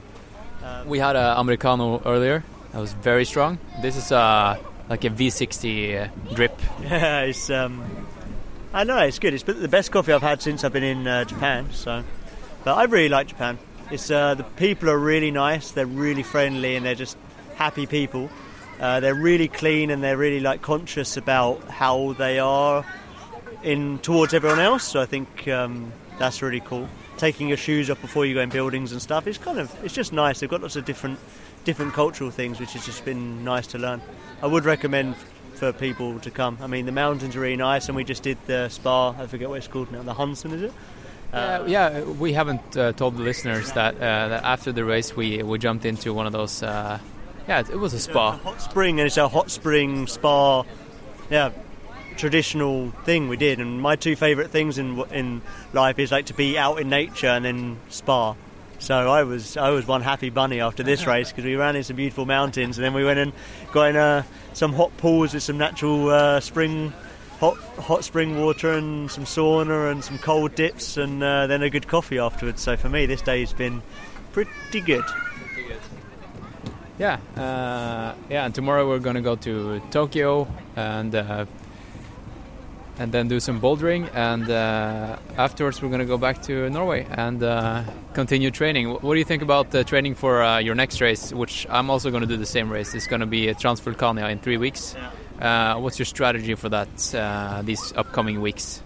I don't know because I've run so little. I'm a little bit worried because now that's going to be what 70, 75k, and I was thinking this was going to be 33 to 35. So maybe like this is going to be a long run to prepare for Transvolcania, but now this was only 21. So I think I'm going to have to do a few long runs to really just make sure my legs are going to get into it. Uh, and then also I realised that I just need to. My training's been so well. It's been so good in the sense that I've like done it so controlled. I've like not really pushed too hard interval sessions like you're not meant to. You do it all scientifically. You get a little bit faster. Everything feels good. You stop before you get completely fatigued. That's all great and it makes you fitter. But then when you've just hammered down a mountain as fast as you can, and you've got to run three or four k on the flat, and your heart rate's through the roof, and you're completely fatigued, and your legs are destroyed. You need to have that little bit of in you. And if you don't train that sometimes, I guess it's, it's hard to bring it out in the race. So I think I've got to go and do a little bit of just dirty training, like three reps of Stoltzen as fast as I can, then 5k as fast as I can on the flat or something. Just go out and put some effort into it and prove to myself I want it. Or just every weekend do a 75k long run. That's. Uh... oh, there I see uh, Hiroaki. Uh, maybe I can get a word from him. Uh, maybe, uh, yeah. Okay, I can do that afterwards. I did a I did a long interview with him earlier this week. Hiroaki, can I get a debrief? I think he's a happy man. I think Yeah. everything's gone really well. So uh, he's really upset that we didn't do the full course, but I think uh, next year. Can I get uh, you for one minute, just as a? okay, here's uh, Hiroaki again. We did a we did an interview earlier this week. Uh, that was before this race, and you were you were kind of uh, uh, that was before you also did, did the course marking, and you uh, before you knew how much snow was in the mountains. Now, after we have now run the course, everything is done. Everyone has no no injuries, right? No, I don't think so. It's uh, like uh, everything should be like uh, like a minor injuries, of course, always. but uh, some ankles. Yeah. yeah. But it's uh, yeah, everything was okay. Yeah. Yeah. Uh, could you? Uh, how how how has everything gone for you for organizing and was it fun or stressful? Are you are you happy now? Uh, everything, of course. I mean, the, yeah, of course, I had some stress uh, and the hard work. Uh, yeah, but I really quite uh, kind of happy and satisfied because of the yeah the all the result and uh, all the guys' face watching and uh, yeah finish line on you know the the prize giving your face. So it's uh, yeah, I really Yeah, you look like a happy man today. now, this guy is doing UTMF next weekend.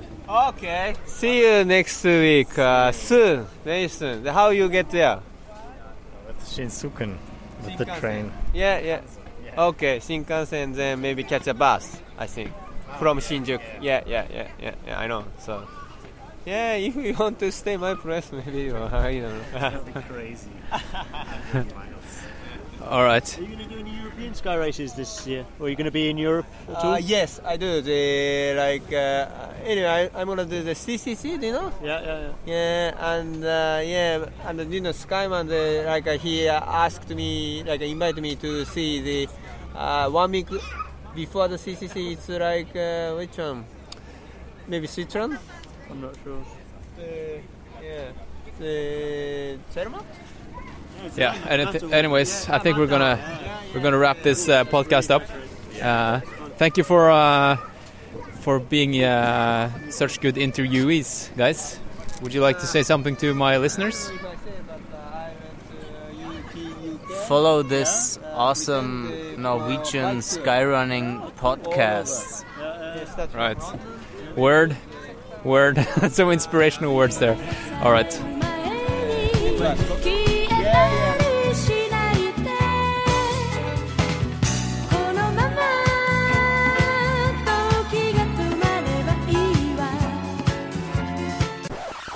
Og da er utroen i gang. Og eh, jeg håper, jeg håper dere eh, Jeg håper dere digger denne episoden der like mye som meg. Jeg vet jo aldri liksom hvor hvor partisk, eh, hvor partisk er jeg egentlig? Er det Var, var, den, var den bra, eller var den ikke bra? Ta og Send meg en melding. Send meg en melding, eller gå i iTunes og så rater, rater du der, fordi at det er faktisk en av de beste måtene å støtte podkasten på også, det å, å gå og rate i iTunes, for da kommer den høyere, høyere opp. Det er det. Så det er uh, viktig at folk, uh, folk som hører på, bruker uh, noen få sekunder på å gjøre det. For det, jo høyere den kommer opp, jo flere tusen lyttere kommer du til å få. Ja. Du, jeg tenkte å bruke utroen på, på å snakke litt om eh, Skal vi se her nå. Det er, det er jo litt ak dagsaktuelle saker. Mm. Eh, jeg skal i kveld Jeg skal, på, jeg skal være med i en annen podkast. Jeg jeg skal være med i den her nye løpepodkasten Kaptare. Oi, dæven. Så jeg skal bli intervjua, og, og det, det gruer jeg meg litt til, faktisk. Ja, det skjønner jeg, fordi du har jo nå i, i, i 50 episoder eh, eh, gitt oss så mye spennende stoff om alle andre eh, enn deg selv. Altså, du, du snakker jo om deg selv eh, i podkastene, men du har jo aldri på en måte dedikert en egen 'Nå er det alvor'-podkast hvor vi snakker om deg, da, eller bare deg. Nei, og det er jo, det er jo, det er jo, det er jo litt av min intensjon også, er jo at det, det skal ikke på en måte, det skal ikke handle om meg, det skal mer handle om folkene jeg møter på veien min. Ja, ikke, ikke sant? Ja. Og, og derfor blir det veldig, veldig eh, Det tror jeg kommer til å bli en særdeles spennende, spennende podkast å høre på denne episoden der, når du, eh, Ja. når du skal ja, det blir liksom, Da skal du sitte på andre bordet i forhold til det du gjør nå, da, og har gjort nå i 50 episoder. Ja, ja det blir spennende. Jeg, Ja, jeg gjør tenker jo hvis han, hvis han eh, Det er vel Marius han heter. Hvis han stiller meg noen skikkelig personlige spørsmål, Ja. så tror jeg jeg skal være ganske åpen, altså. Ja, det er Jeg tror jeg skal ta en liten Thomas Stordalen hvis, hvis eh, kvelden eh, Hvis det er modent for det. Jeg tror definitivt du skal eh, kjøre en, eh, en eh, Thomas Stordalen. En David altså. Goggins, det- ja. Det, det blir en eh, Stordalen Goggins eh, på Smedsrud. eh. Jeg håper han har en sjeselong jeg kan bare legge meg ned på. Og, ja. ta med, du må ta med Kleenex da, i tilfelle det blir mye tårer. Det, det jeg håper det ikke blir, eh, er en sånn podkast der det bare er snakk om løping. Liksom, hvor mye trener du, hva for, for, forfotløping, hva syns du om det? Det er, altså, det er jo så Det er, det er jo ikke interessant i det hele tatt. For det, det, det kan liksom alle løpere snakke om, og det er jo ikke interessant. Det er jo mennesket som er interessant. Ja. Eh, Mennesket som, eh, som putter eh, føttene sine nedi løpeskoene, det er det som er interessant. Ja. Det er faktisk det. Ja. Um, ellers så, eh, så skal jeg nå, etter vi har snakka, jeg skal faktisk på Sats en tur. Eh, Mhm. og så skal jeg Ja, først skal jeg trene der. Jeg trenger ikke jeg skal Det er jo fortsatt eh, litt sånn recovery-aktig eh, på grunn av eh, På grunn av at jeg har sprunget i helga. Så jeg skal sykle meg noen terskeldrag, og så skal jeg sette meg i badstua. Åh, Eh, vet du hvorfor? Fordi jeg skal springe Nei. Transvulkania om to uker. Det skal du. Og da er det viktig å få en litt eh, god gammeldags eh, heat training. Da må du faen meg være akklimatisert, ass. Så, Det må du. så nå begynner det. Nå begynner det. Nå begynner Nå er det alvor. Da, da jeg var ferdig med racet på, i Japan, med en gang så jeg var i recovery mode. Ja, men det er viktig, det. det er, uh, man kan ikke suge for lenge på, på karameller. Uh, og du har en tettpakka sesong, uh, så da selvfølgelig man skal nyte, nyte suksessen og opplevelsen man har, men så er det viktig å, å også se fremover. Og du er jo toppidrettsutøver, og da kan man ikke hvile på laurbærbladene altfor lenge. Nei. Og ja, jeg skal ikke si at jeg gjorde det, optima, altså det, det mest optimale for recovery, og det, det var jo at eh, på mandagen, altså dagen etter racet, så, så uh, dro jeg og han, eh, John tilbake til uh, Tokyo, og så sprang vi oss en lang tur i, på betong i byen, og så dro vi og buldra i to timer. Men, men nå var, nå var jo ikke det løpet nå var ikke det løpet i Japan sånn kjempelangt, sånn at uh, Nei, nei, men det, kunne, ganske harva i beina. Det skjønner jeg jo. Det tok, det tok nok litt på der. Jeg så det var ganske mye nedoverløping der eh, på et parti på slutten, så fikk kjørt deg litt. da. Eh, ellers er det jo, eh, kan man si at det er jo KRS til helga. Ja, det er NM til KRS NM eh, til helga. Kristiansand Ultra. Ja, og det har på en måte gått litt under radaren, føler jeg. Det har liksom ikke vært så mye sånn skriverier om det, eller så mye sånn fyring. Så jeg er veldig spent på eh, Nå har ikke jeg helt oversikt over eh, hvem som stiller til start, men eh, jeg tror det kan bli ganske, ganske åpent eh, race. Eh, når både du og Didrik er borte, så, så er det klart da åpner det seg opp eh, muligheter for, eh, for de andre. Ja, og eh, jeg vet ikke helt om jeg skal tørre å si liksom, hvem er det som er one, one to watch, men eh, jeg, altså, det er jo et Skyblazers Altså, hele Skyblazers skal jo. Ja. Altså, han, eh, han Patrick, Johannes og Runar eh, og han eh, eh, Ola skal, og eh, det er vel flere også. Jeg lurer på om eh, han Bjørnar Ja, altså, nå sier jeg bare fornavnet til folk, men det her er jo en, noen av Norges beste ultraløpere. Eh, Ja, det er det. Og alle er i Skyblazers, så jeg tror det skal godt gjøres at det, det ikke kommer en Skyblazer på pallen. Og det skal godt Jeg- gjøres at det, at det er færre enn eh, tre i topp ti. Ja, jeg er helt enig. Og jeg tror at uh, hvis vi, hvis vi ok, da, La oss uh, ta utgangspunkt av altså, sagt, Jeg vet ikke hvem andre som, uh, som stiller, men Johannes, Patrick og Runar eh, vet jo alle hva de kan levere. Og eh, det kan bli en kjempekniving. Altså, de tre kan, eh, kan fort eh, holde på lenge eh, sammen. Men hvis jeg skal ha en favoritt av de tre, så, så vil jeg sette mine penger på Runar. Det er ikke noe tvil om. Mm. Eh, med Patrick og Johannes eller med, med Patrick kanskje noen sekunder bak. Eh, Johannes er litt mer usikker på eh, hva slags fartsressurser han, han har. For jeg tror man trenger litt god fart i kroppen i den løypa der. Eh, men dæven, det der kommer til å bli et rotterace altså, mellom de tre. Ja. Hvis de har en dag, alle Jeg tror det blir en ganske rask start. Ja, det tror jeg blir en sinnssykt rask start. Så start. det kan, det kan eh, slå alle veier, det der. Det kan bli Ja, en bankfest. Eldorado. Er det hvis uh, hvis, hvis f.eks. noen andre som ikke er tatt ut i VM Ultratrail, skulle vinne NM nå, eh, vil de da komme på VM-laget? tror det. Jeg tror det her er siste mulighet for å bli tatt ut. Og kvota vår er jo ikke fylt opp i VM. Så, så jeg, tror det, jeg tror det er en god mulighet til å komme med til VM her. Ja, og da blir det, det jo, kommer det til å være flere sultne ulver på, på startstreken. Kanskje en til Skyblazer. Ja, det er utrolig spent. Men eh, ja, på, på kvinnesida også er det jo eh, er litt der, der kan mye skje også. Du var jo Erika Skyblazer. Molly Skyblazer, hun er jo tatt ut av VM. Ja. ja. Eh, og jeg er litt usikker på eh, hvem andre kvinner som skal, men eh, eh, ja.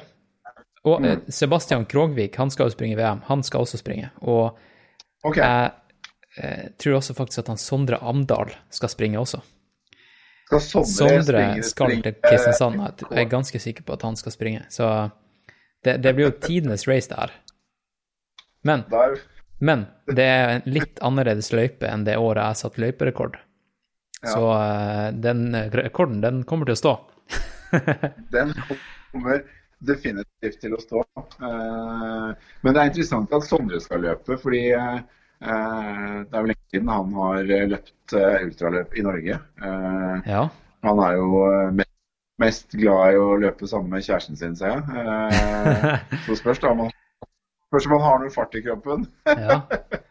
Neida, så, Sondre er en legende i eh, norsk ultraløping, og ingenting ville gledet meg mer om han eh, kommer ordentlig tilbake igjen i år. Eh, Så Han har hatt et litt sånn nedadgående kurve de siste årene. De store internasjonale arenaene. Han er veldig god på sånne multi-day races, så det er kanskje den veien det går for han. Men, eh, men eh, Sondre er en ekstremt eh, dyktig, dyktig løper, så det, dæven, det kan bli spennende å følge med på det løpet på. Jeg tror han Sondre har masse fart i kroppen fortsatt. Jeg tror, han kan, jeg tror han kan kuppe hele driten. Jeg tror han kan vinne. Han, han kommer som en underdog. Han, han kommer som en skikkelig underdog, men, eh, men han stiller til start eh, med, med det målet om å vinne. Så Ja. ja. Heftig. Og så skal jo hun eh, Kjenner du Elisabeth Borgersen? Det gjør du jo. Elisabeth kjenner jeg godt eh, fra før av.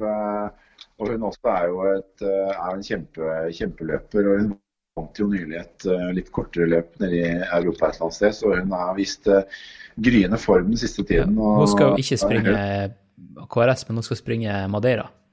Ultra Trail. Ja, Så ja, eh, hun er jo virkelig Jeg tror hun kan eh, komme topp fem der. Jeg tror hun er i dritbra form.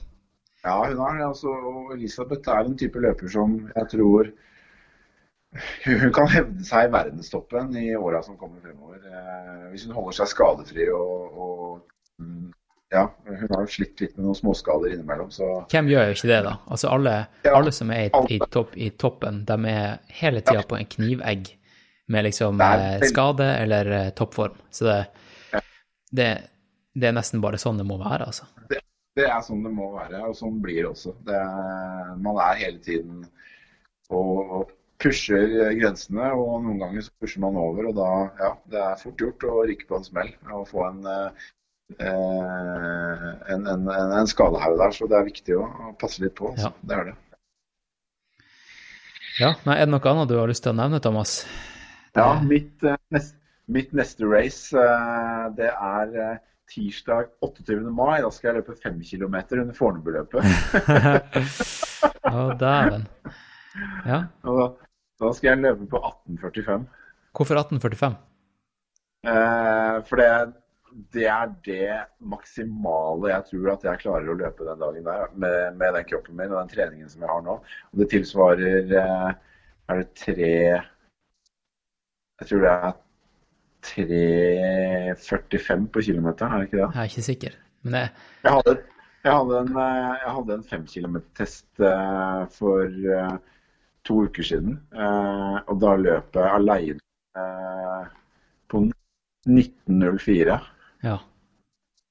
Og da tok jeg det ganske med ro eh, på den nest siste kilometeren. Så jeg har, eh, jeg har i hvert fall sub 19 inne. Så det blir en litt annerledes, eh, annerledes opplevelse. Det, blir, det er hardt, og det er vondt, og det er smertefullt. Ja, det tror jeg på. Jeg har aldri sprunget fem kilometer, men eh, de første fem kilometerne i Japan de var jo flate på asfalt. Ja. Ja. Eh, Så det, jeg tror jeg persa der. Du gjorde det, ja? Det, det gikk unna på 17.01. Det er jo helt sjukt. Og så var det Og så var- skulle resten av racet gjøres opp i fjellet. Ja. Så eh, Da, ble det, det ble en eh, interessant start. ja, ja det, var, det var interessant, ja. Ja, det tror jeg. Ja, ellers så er det jo mm, er jo London Marathon og superduell mellom Kipchoge og Mo Ja, Farah. dæven, Selv, om ja. jeg, eh, selv om jeg ikke tror at det blir noe superduell, for den eh, Jeg ser liksom ikke uh, hvem som Altså, Kipchoge er den beste, Uh, og på en helt normal dag så kommer han til å vinne. uh, ganske greit. Jeg tror ikke Mo Farah har noe som helst sjanse for å slå Kipchoge. Nei. Nei, jeg er jo fanboy av Mo Farah. Um, Jeg har, har jo Jeg kjenner han jo litt og har trent med han masse, så det, jeg har veldig lyst til at han skal lykkes. Han er jo fortsatt veldig ny i maratongamet. Så, så jeg tror nok eh, kurven Altså, han, han sa i et intervju nå nylig at han var i bedre form i år. Men, men det der med å være i fysisk bedre form, det er ikke sikkert at du presterer bedre.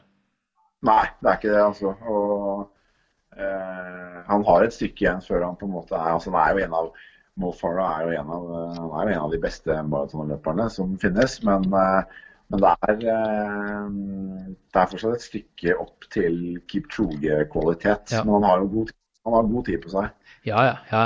Og så er det jo hjemmebane. Det er hjemmebane, og absolutt alt kan skje. Og så blir det veldig spennende å følge rekordforsøket til eh, norske Christian Ulriksen, som eh, skal prøve å løpe under 2,20. Å, dæven. Rekordforsøk i, at, i form av pers, eller er norsk i rekord? form av, i form av eh, pers. eh, Han er, jo en av, han er jo blitt en av Norges eh, beste maratonløpere. Det er jo ikke så mange som løper Det er ikke så mange norske løpere som løper under 2,20. Og Nei. det har vært en sånn det har vært en sånn drømmegrense for han ganske lenge nå, så det skal bli også kult. og kult. Jeg skulle si jeg skal bare mute en samtale her på Ja. Der, eh, jo, han Kristian han er jo fra Tromsø. Han Og jeg, har, jeg har jo hatt litt sånn lyst til å intervjue ham, men jeg, kjenner han jo ikke i det hele tatt. Eh, og han har jo flytta til Oslo. Og jeg vet jo mange som har trent med han. Han har jo bidratt masse til eh, løpemiljøet i Oslo bare sånn allerede. Så det, eh, det hadde vært interessant, interessant å ta en eh, prat med han, fordi at han er, virker Ja, det- som ikke bare en sånn her egoistisk maratonløper som bare chaser pers. Han, eh, han er også ute etter å skape et miljø og inspirere. Så det, det er det idrett handler om, spør du meg. Ja, det, det kan jeg med hånda på hjertet skrive under på. at uh, Får du Christian inn i, i podkasten, så hadde det vært uh, kjempespennende. Han er en uh, utrolig fin fyr. Jeg har møtt han flere ganger, og han har også av meg og gitt meg noen hyggelige vink på veien, noen hyggelige kommentarer. og Han er veldig, veldig ålreit og drar i gang masse bra for løpere i Oslo. og Ofte så melder han eh, på Strava at eh, på søndag klokka ti så er det voltestart fra marinaen på Frognerkilen, og nå er det 30 stykker som møter opp. Faen så rått. Så ja. Ja. Nei, men det, Ja, men, eh, det er fett. Nå, nå skal jeg ta og hive meg i badstua. Og jeg tenker det kunne vært fett å lage en episode om eh, badstue og varmeakklimatisering. Det tror jeg kunne vært veldig interessant for utrolig mange å, å vite litt mer om. fordi Ja. ja, det er helt klart. Og, og ikke bare liksom eh, varme eller badstue for å akklimatisere seg til varmen, men badstue for å akklimatisere seg til høyde. Visste du at det var en greie? Nei, det visste jeg faktisk ikke Nei. var en, eh, en greie. Fordi det er det, og det skal ikke jeg gå i dybden på nå. Men uh, det er faktisk en, en liten life hack hvis du uh, ikke har mulighet til å trene i høyden før et race i høyden. Så kan du med et spesielt uh, badstueregime få opp eh, blodverdiene på et, du, kan, du kan eh, lure kroppen litt, rett og slett. Oi, det, det er kjekt å, kjekt å ha med seg. Det skal, jeg- det skal jeg ha i bakhodet før jeg skal ned til eh, Alpene. Liksom. Ja. Så nå skal jeg gå og akklimatisere meg litt, og så skal jeg være med i den her Kaptare-podkasten, som også er nede Ja. på Grünerløkka. Så da Det er kult. Ønsker deg lykke til med det. Nå skal jeg eh, ha en time på øyet på et av kontorene vi har som massasjestol, og så skal jeg gjøre meg klar til jobb eh, fra klokken eh, halv fem. Ja, og da skal du jobbe til eh, klokka tolv på natta. Ja, ca. klokka tolv. Og så er det hjem og få seg en ordentlig god natts søvn, og så er det langtur i morgen. Eh, ukas harde, progressive langtur. Det gleder jeg meg skikkelig til. Rått. Nå ser jeg, nå ser jeg at den podkasten her Nå må jeg klippe og sånt også. Det rekker, jeg rekker ikke å publisere i dag. Nei. Han eh, Kenneth, han eh, som vi nevnte i stad, han, ja. han var jo sånn her Når kommer neste episode? Så sa jeg du får vente til torsdags ettermiddag. Men uh, Kenneth, sorry, det blir fredag. Sorry, Kenneth. Eh, Du får smøre deg med tålmodighet en dag til. Ja, sorry. All right, episode 50. Vi rapper den her opp, og så eh, får vi bare satse på at det blir 50 til. Minimum. Det Eh, vi gjøre. Nå med, nå, med, nå med mer tid til podkasting, i hvert fall sånn fra sommer av, så kan jeg garantere ikke bare mer bra innhold, men eh, at eh, den podkasten her, den lever videre takket være dem som støtter podkasten, både Patrions og forhåpentligvis da etter hvert eh, kommersielle aktører som, som kan spytte inn litt inn i kassa. Mm. Det, Det blir, Ja. det blir, det blir kanonbra. Og siste jeg vil si er eh, til alle sammen eh, hold det ekte, kjør hardt, vær ydmyk, vær snill og by på deg selv.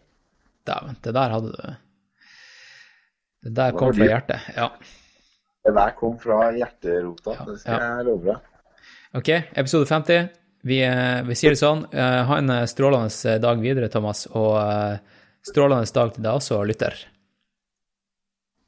Ha en super dag, Hans Christian. Vi snakkes. Vi gjør det. Ha, ha det bra. Ha det. Ha det. Ha det.